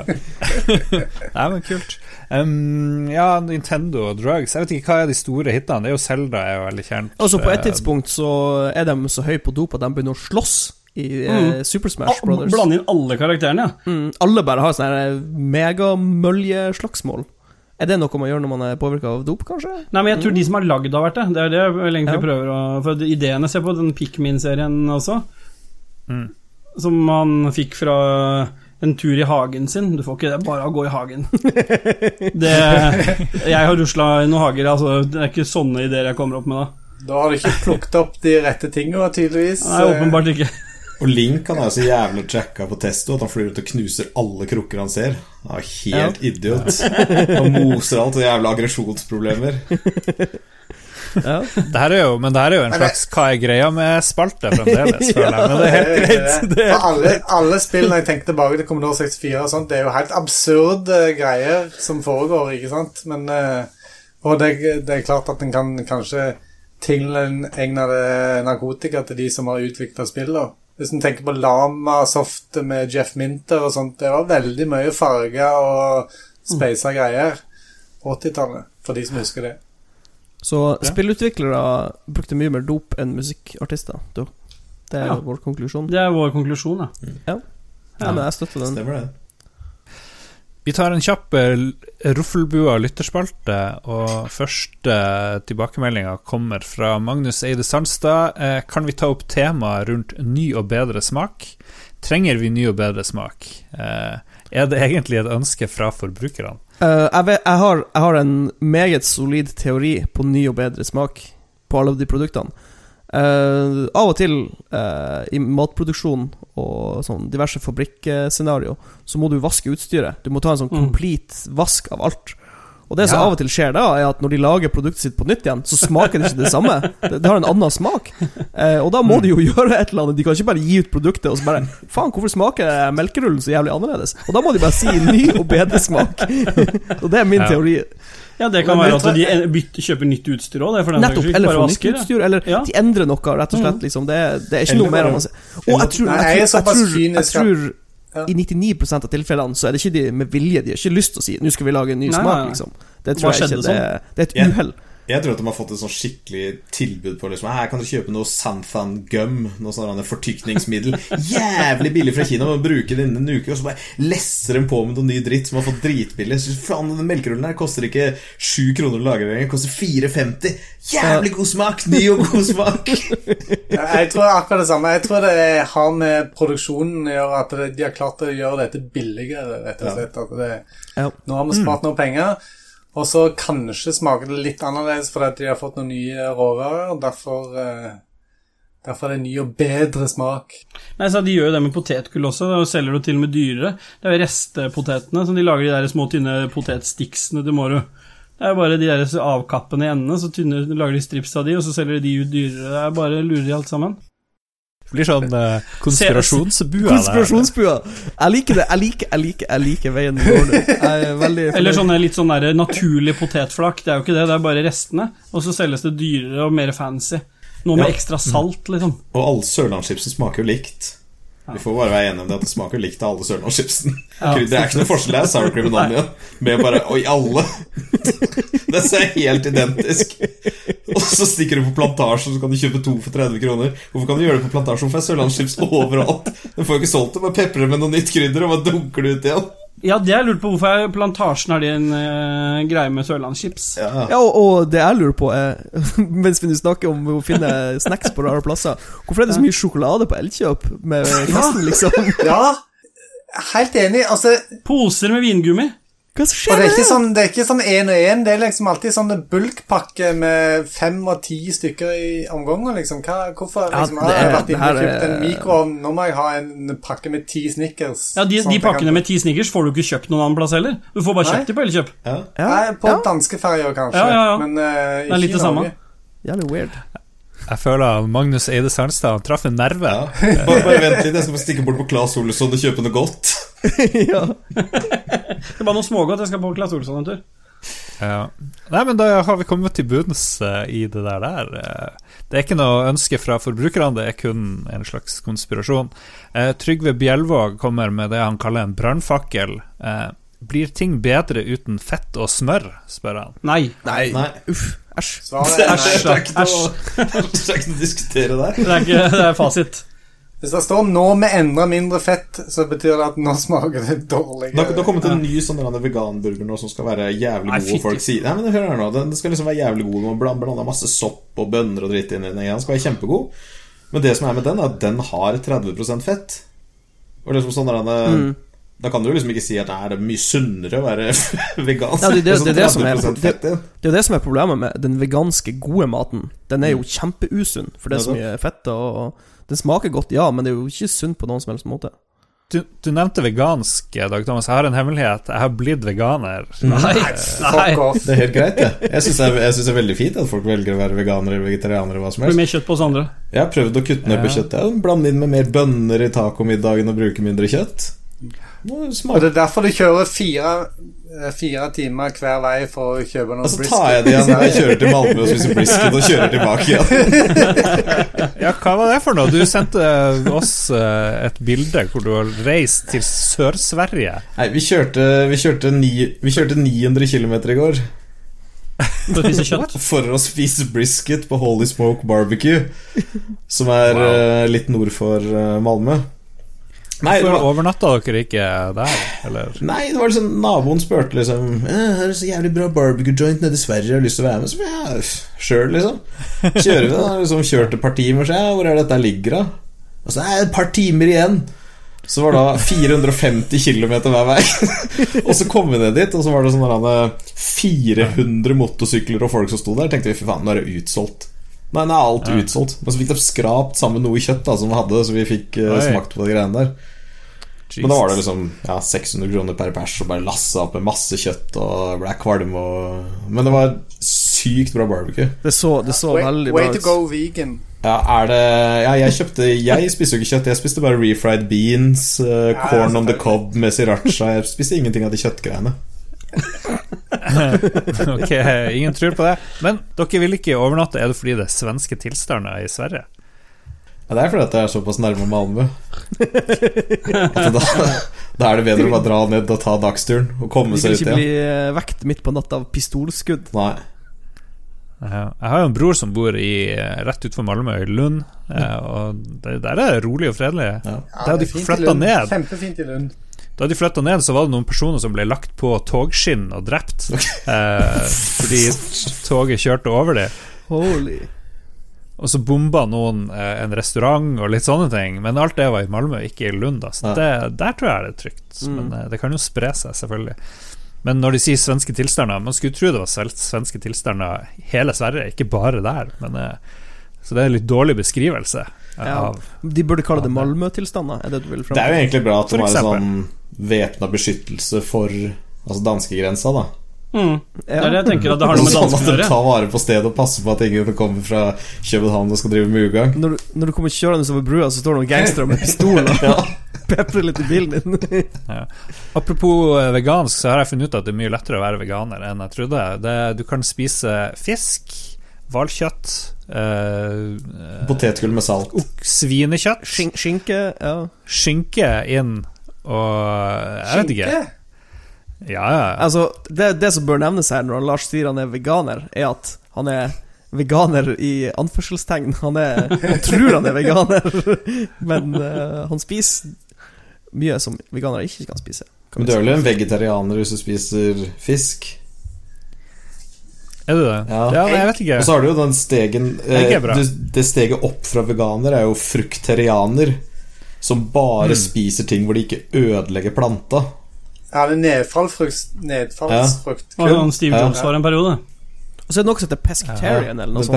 bra. er? Pesca pescatarian. Bare Ja. spiser fisk som spiser andre fisk. Ah, Ja, ja, ja. Tunfisk og laks og artig. Ja, ja. Ja. Nei, men det er veldig mye gøy. Men jeg har funnet ut at vegansk diett er noe for meg, så det skal jeg fortsette med. Ja. Ja. Du trenger ikke researche masse heller. Det, altså, for bare si det tar sånn- det du tror. For å si det sånn, hvis, hvis de er finner ut en måte at de i sånn laboratorium en plass kan lage syntetisk kjøtt som smaker det samme, har samme tekstur og er som kjøtt, bare at ikke det er noe dyr som har blitt skutt i ansiktet, så er det null problem for meg. Men jeg må ha rødt, jeg må ha meats. Ja, Det er enig. noe jeg trenger. Jeg er med deg, Mats. eh, Absolutt. Mm. Må ha meats. Jeg må ha mitt, men jeg vil gjerne ha det dyret, vite at det dyret er skutt i ansiktet òg, jeg, da. Jeg kan røpe at jeg måtte rumpa. Ja, det, er, det er ikke greit nok. Det må i ansiktet. In the face. Faces. Ok, hvor vi var, unnskyld her. Eh, Jostein Hakestad sier at mange hevder Roffelbua er en kopi av den populære fire år gamle podkasten Rad Crew Nights. Er det hold i den påstanden, sier han. Stemmer Det det? er jo ikke det, for alle vet nå Det at korrekt, det. klokka er jo midt på dagen nå, så at dette er ikke noe vi tar opp eh, på kvelden, så det er jo feilaktig Ja. påstand. Åpenbart. Ja. Og så har, Ja, vi det gøy, og så har vi det gøy her òg, har vi ikke det? Så det er liksom Jo, bare det det skiller er oss. jo uh... ja, så, prøv, så prøver vi prøver jo ikke hardt heller. Nei. Nettopp. nettopp Så det er mange forskjeller. Alle sitter godt tilbakelent, det er god stemning, vi Vi koser snakker avføring, vi drikker Alle er nakne nedentil. Absolutt. Ja. Nei, altså det, det er selvfølgelig litt en uh, kopi av uh, fire år gamle Rad Crew Nights, for det er en backer-only-podkast. Men jeg vil jo si at uh, Rad Crew har kopiert sin del av ting fra Lolbua. Da. Blant annet har de tatt eh, Magnus Tellefsen, og det er vel Ja, det, det er kopiert han. Og kopiert.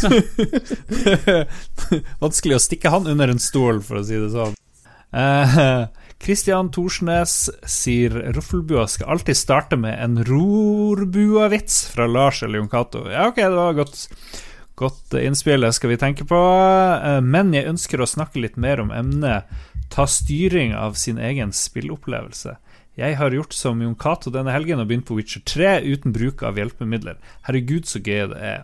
Det å finne frem og gjøre quester har blitt et eget quest i seg sjøl. Ja, fordi Jon Cato har snakka mye om å skru av kompass og liksom de her waypoints og sånne ting. Mm. Så det er det han prater om. Jeg tror nok at de som Eh. hører på denne, har hørt den episoden.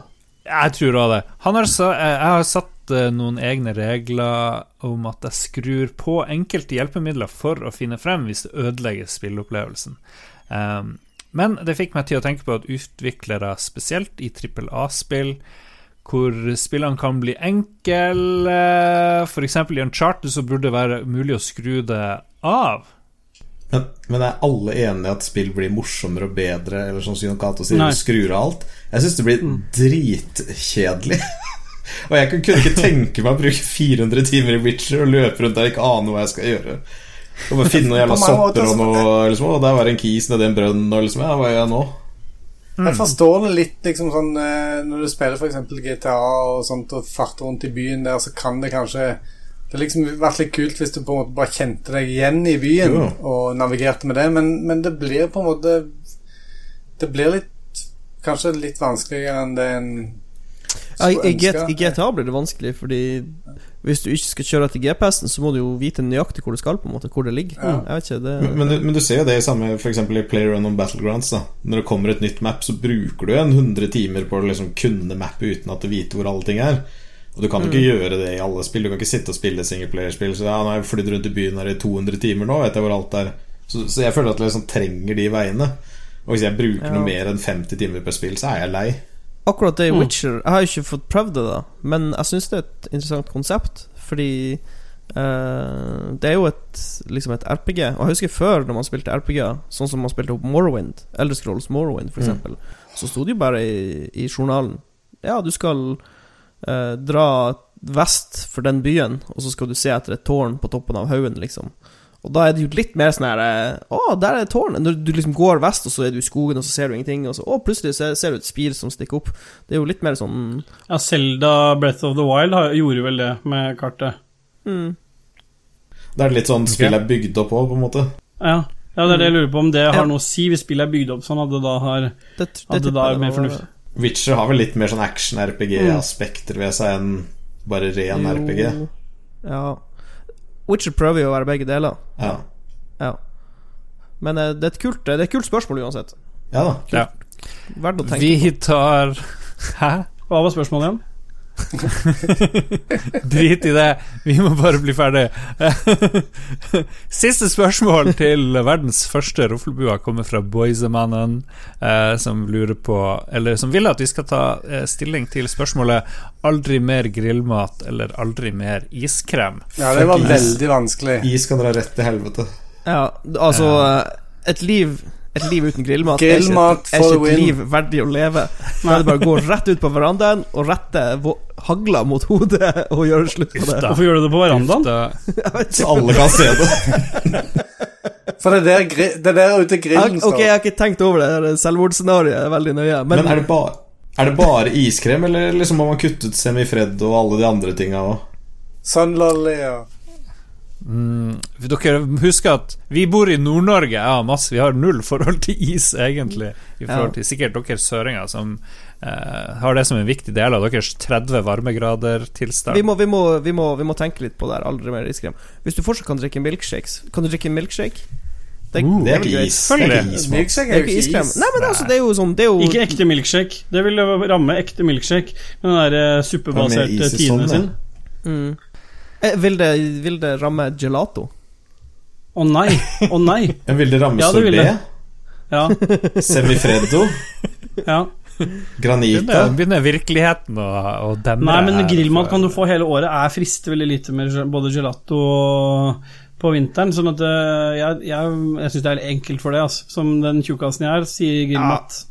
Vi trenger mer info, Boysemann. Inntil videre så sier jeg jeg driter både i grillmat og iskrem. Jeg Ja, du, for du spiser bare fisk og bønner. Vi har hørt nå at du står helt på sidelinja. Jeg driter i det.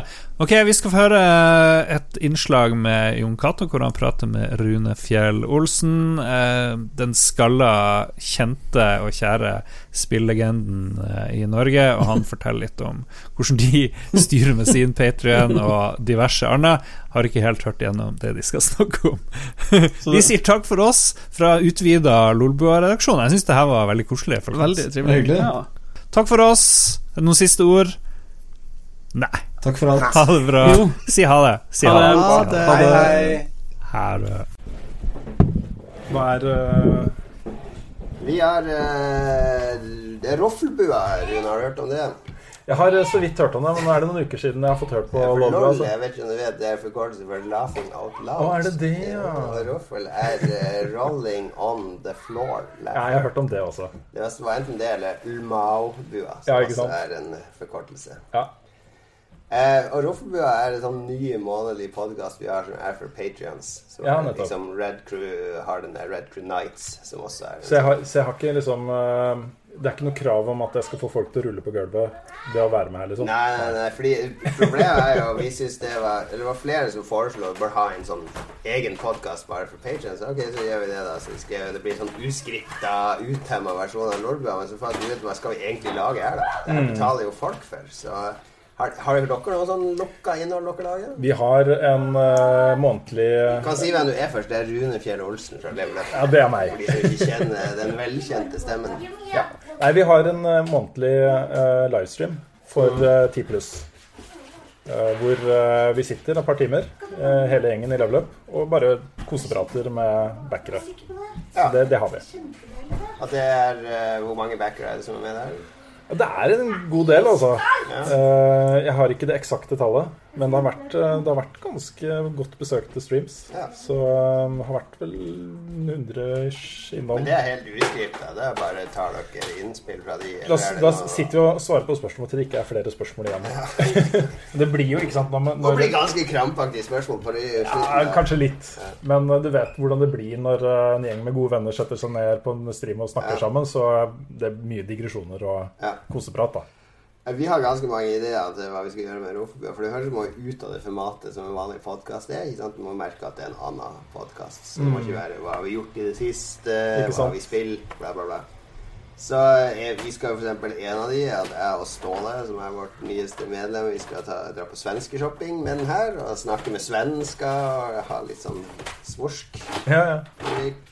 Vi skal uh, på en sånn PC Master Race-treff. Det er klanen til, eh, til en av eh, han som står bak discorden vår, Dag Thomas. Hans klan er uh, de er PC Masters. Det er navnet på klanen, eller? Nei, de heter, heter noe annet.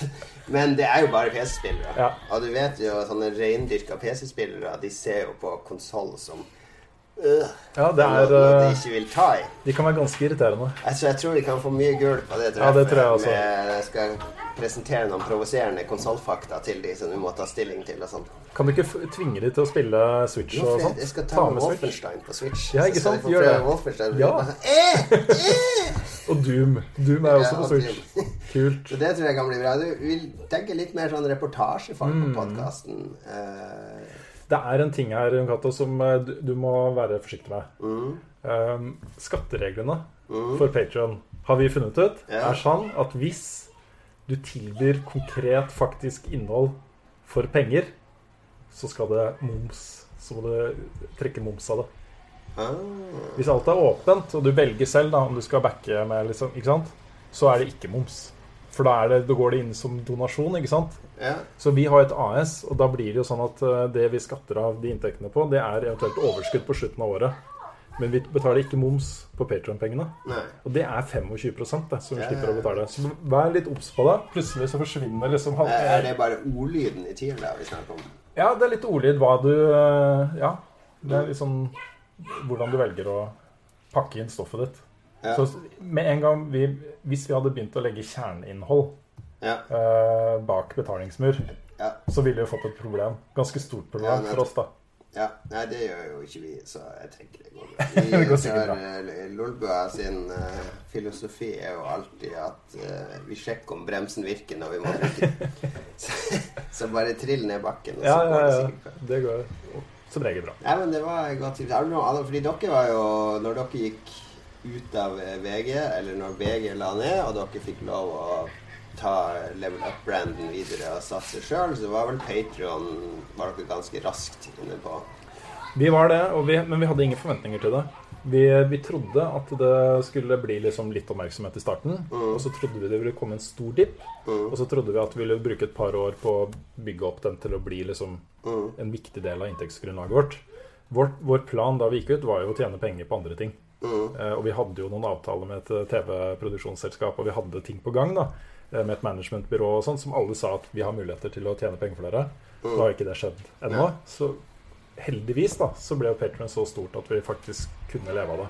Men det var ikke en del av planen. Nei. Det var bare ment som en, eh, en Hva skal man si eh, Det var jo mye av eh, press fra seerne våre at vi valgte og turte å slutte.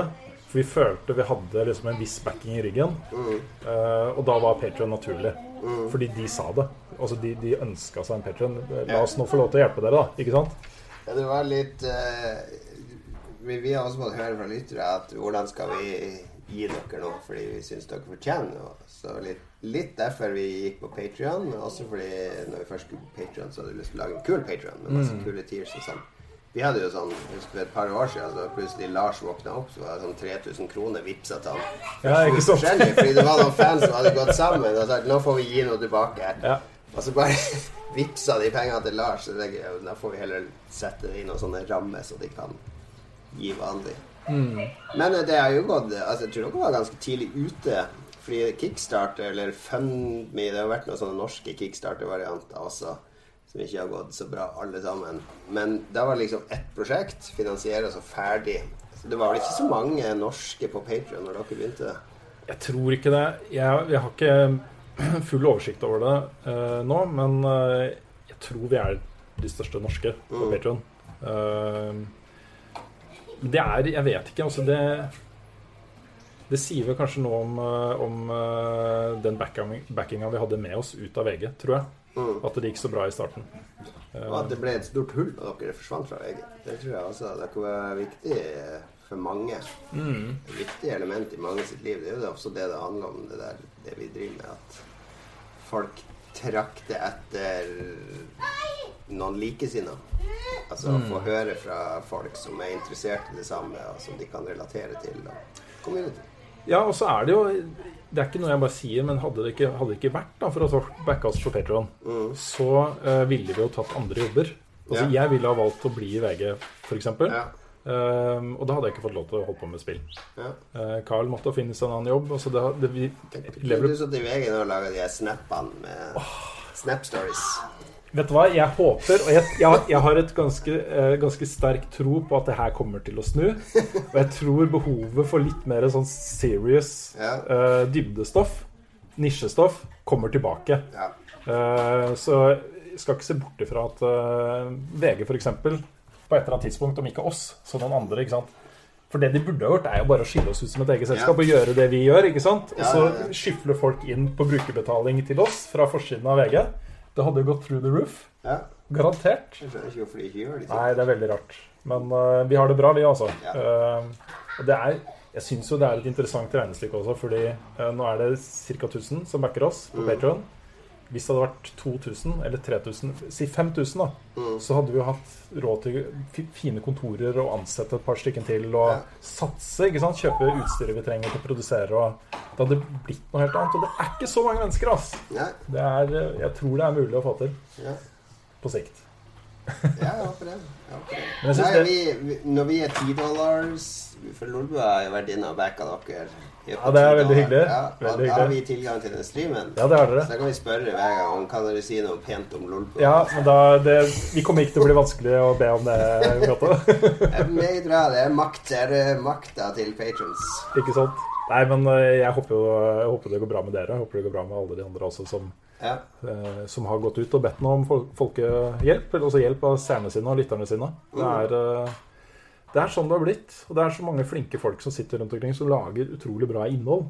Mm.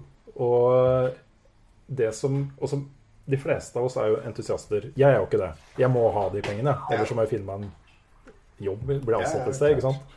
Uh, mens Radcrew uh, har jeg følelsen av de hadde bare lagd det gøy så lenge de gadd, ikke sant? Ja. Men på et eller annet tidspunkt så eh, må man jo tjene penger, og man kan ikke fortsette med den samme intensiteten og samme dedikasjonen som man hadde før, ikke sant? Eh, så da ville vi ha forsvunnet en etter en.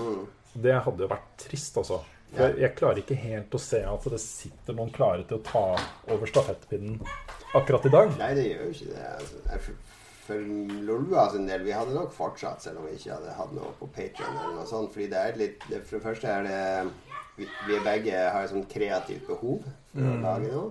Og så har vi Det er lystbetont. Og så lenge det er lystbetont Det er min ukentlige samtale med Lars, liksom. Der vi sitter mm. to timer og jobber som, som to kompiser som møtes på kafé. Men det som skjer når vi får Patreon er at vi kan gjøre så mye mer. Sant? Det er det som er kult med juleshow og alt mulig annet. Så, så vi vil gjerne lage mer kule ting og reise litt og sånne ting. Så det bare enabler oss til å lage mer kult innhold. Plutselig så hadde vi tjent nok til å dra på etere sammen og Ja, gud, vi, sist vi var på E3, så vi endte jo opp på Det var på Viper Room. Vi var veldig fulle begge to. Og så var det jo satt opp sånn tattoo-shop nede i kjelleren på Viper Room med gratis tatovering. Så der sto hvis, hvis jeg tar Lars her oppe på skuldra, så kan du ha Jon Cato på din skulder. Skal sånn, vi skulle ha sånn skrivemaskinfont. Så, Ja, nettopp. så ja, ja, det var kjempegod idé. Så jeg ringte jo til og med hjem til kona, og det var greit. Lars? Ja vel. Ja, ta nå Lars. Det var greit. Og så gikk vi bort til OK, we want a tattoo. Sorry, we're shutting down now. But if you come tomorrow down to Melrose Avenue, we can get, you can get it there. Vi er ikke så lyst Nei, det er ikke så- Sånn utpå formiddagen dagen etter, litt sånn småklein. Skal vi dra ned og få den tatovert? Nei. Seemed like a good idea at the time. Ja. Har du sett Californication? Nei? Der er det en scene hvor uh, de to hovedpersonene, uh, Ronkel og han, uh, David Duchovny, eh, våkner opp med tramp stamps, begge to, etter en eh, dag kveld på byen. Ja. Det hadde ikke gjort meg noe å ha Lars på skuldra. Det skulle, det skulle vært over den bremmen, vet du, for T-skjorta. Så jeg kunne ha skjult den. Men eh, altså, folk har bare trodd eh, Hvem av sønnene dine heter Lars? Er det en kompis? ja, vi har podkast sammen. Det hadde vært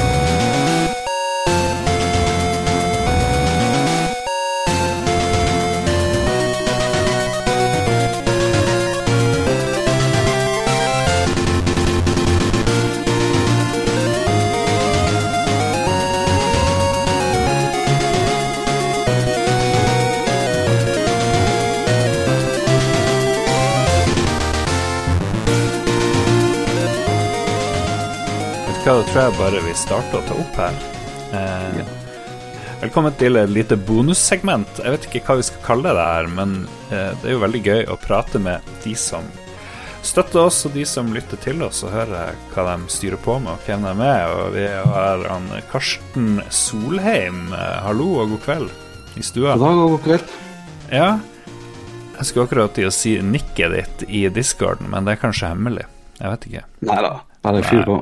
Ok, Alle de som har lurt på hvem han Martyrik i den nye Discord-kanalen vår er, her er altså han. Og du er en av våre Du var vel en av de første som Ja. eh, støtter oss på Patrion, og det er jo veldig kult. Takk for det. Ja, jeg har jo etterspurt Patrion før, men eh, dere hadde vel noe på gang. Eh, vi er ganske trege, som du vet, av og Ja. til. Så sånn går det. Um, vi kan jo først spørre hvordan du begynte. Hvordan begynte din nerdekarriere? Det kan jo være interessant å vite.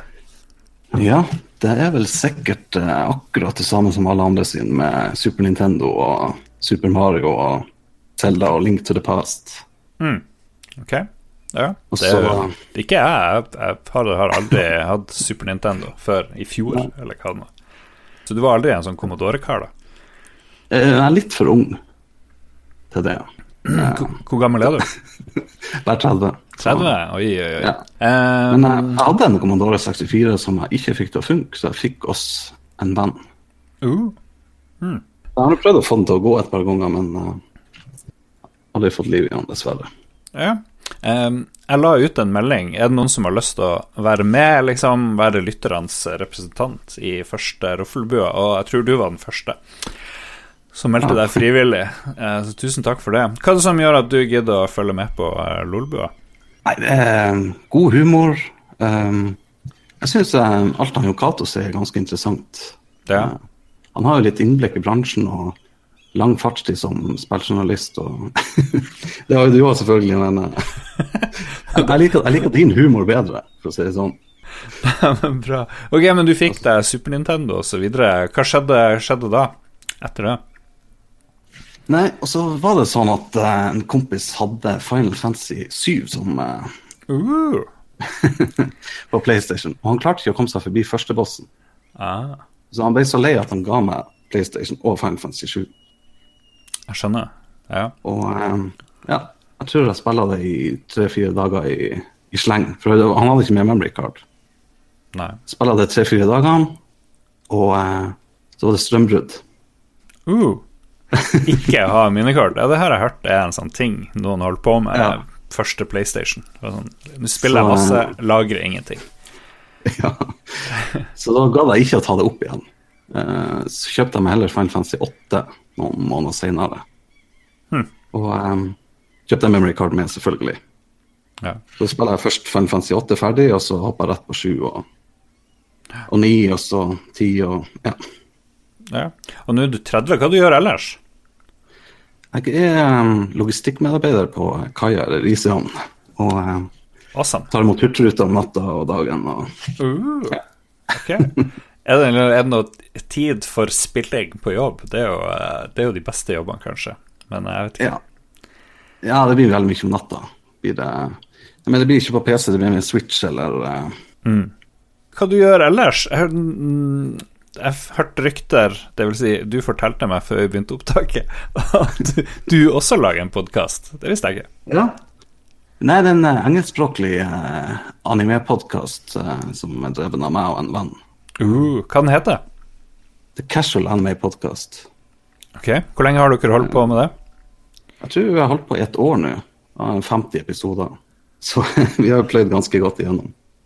Det her er jo genialt. Eh, Hvordan er det å lage podkast på engelsk? Det er fryktelig vanskelig. Um, veldig mye ord du må uh, tvinge fram og, og sånn. Så vi hadde egentlig tenkt å, å gå over til en uh, norsk Ah.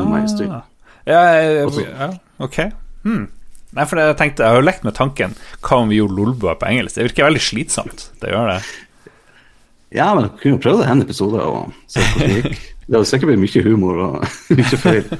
Ja, ja. Jeg tenker det er sånn når de her kjente bandene, sånn som Eller, de er ikke kjent nå lenger, men jeg husker eh, Seigmen Plutselig skulle de lage en podkast Nei, en plate på engelsk etter å ha sunget på norsk lenge, og det blir jo veldig rart. Du eh, Ja. Jeg vet ikke, jeg frykter det ville vært mye, mye banning. Jeg føler at utlendinger de er ikke så glad i å høre fuck og all mulig sånn vill banning, sånn som vi. Vi kan bare dryle ut noen, eh, noen banneord. Jeg vet ikke, Hvor mye banning er det i eh, Casual Anime-podkasten? Nei, det er veldig lite. Det er bare dårlig Hvis det er dårlig animasjon, så kommer det et, eh, et, ganske stygt banneord. Er det noe spesielt i din bakgrunn ellers som folk eh, kan synes det er morsomt å vite om? Deltidsbrannmann? Ja. Ok, hva er Ja, hvordan Nei, fungerer det det? Er 1,5 prosent stilling i Risian. Hvor mye sa du? 1,5 prosent. What? Så bra. Ja, ja. Så Har, det du, har du slukka noen branner? Ja, veldig mange. Jeg var på en i går, faktisk. Holy shit, du er en helt. Du er, I USA ville han kalt deg en helt. I Norge så vet jeg ikke om du er liksom kvalifisert til helt enda, men ja vel. Har du redda liv og sånt da? Ja. Holy moly. Han, men eh, ikke sånn man kan snakke så veldig om sånn. Nei, nei, det skjønner jeg. Vår uh, våres medprogramleder uh, Mats Rindal Johansen var jo sånn her uh, jalla-brannmann i Forsvaret. Men jeg tror ikke han redda noen. Det var mer sånn her uh, Det var bare sånn det tull. er bare kaffe. Ja, det var mye kaffe. ja, det er så bra. Veldig gøy. Nei, men det her var jo koselig. Det er jo, eh, kanskje Ja. vi må ha deg Er du villig til å stille i en eh, sending ellers? Eh, Du er jo proff. Du er jo Ja. allerede 50 episoder. 50 dårlige episoder, vel å merke. Nei, det, det hadde hørtes interessant ut, det. det Mm. Fin, sånn rolig avslutnings Jeg tror det her blir avslutninga på, på Ruffelbua. Nummer 000 eller 001. Jeg vet ikke eh, hva vi skal kalle den. Um, om det blir en ekte betasending, eller om det blir nummer én. Jeg vet ikke. Det, by the way, noe Du skrev jo noen bidrag om hva du forventer, eller hva du har lyst til å ha av en sånn her Patrion-podkast. Er det noe, eh, Husker du hva du skrev, og har du kommet med noe mer etter det? Jeg har ikke kommet med så fjell mye mer, men uh, whiskytesting eller øltesting er jo uh, Det må jo være uh, krem. Høres ut sånn. som uh, midt i blinken, spør du meg. ja, det passer jo ganske godt inn òg. Ja. men litt sånn, Anne Jon Cato er jo veldig teatralsk altså. Han Mm. burde jo fremført noen sketsjer, og nå som Magnus ikke er lenger, så får jo alle med. Liksom. Ja, jo, du har et veldig godt poeng. Vi skal se om det ikke blir noe blir noen uh, sketsjer. Jeg tror kanskje vi allerede har spilt inn tre. så vi får se om de er gode nok. Jeg har ikke hørt gjennom dem. Så det, du kan glede deg. Karsten Solheim, tusen hjertelig takk for at du var med i uh, første Roffelbua noensinne. Ja, takk for at jeg fikk være med.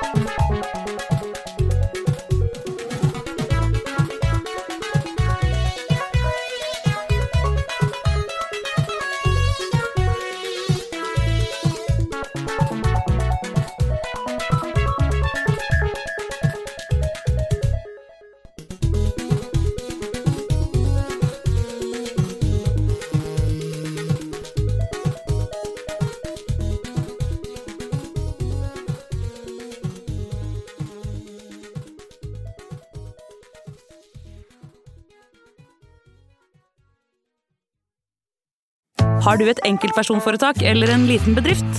Da er du sikkert lei av å høre meg snakke om hvor enkelt det er med kvitteringer og bilag i fiken, så vi eh, gir oss her, vi. Fordi vi liker enkelt. Fiken superenkelt regnskap.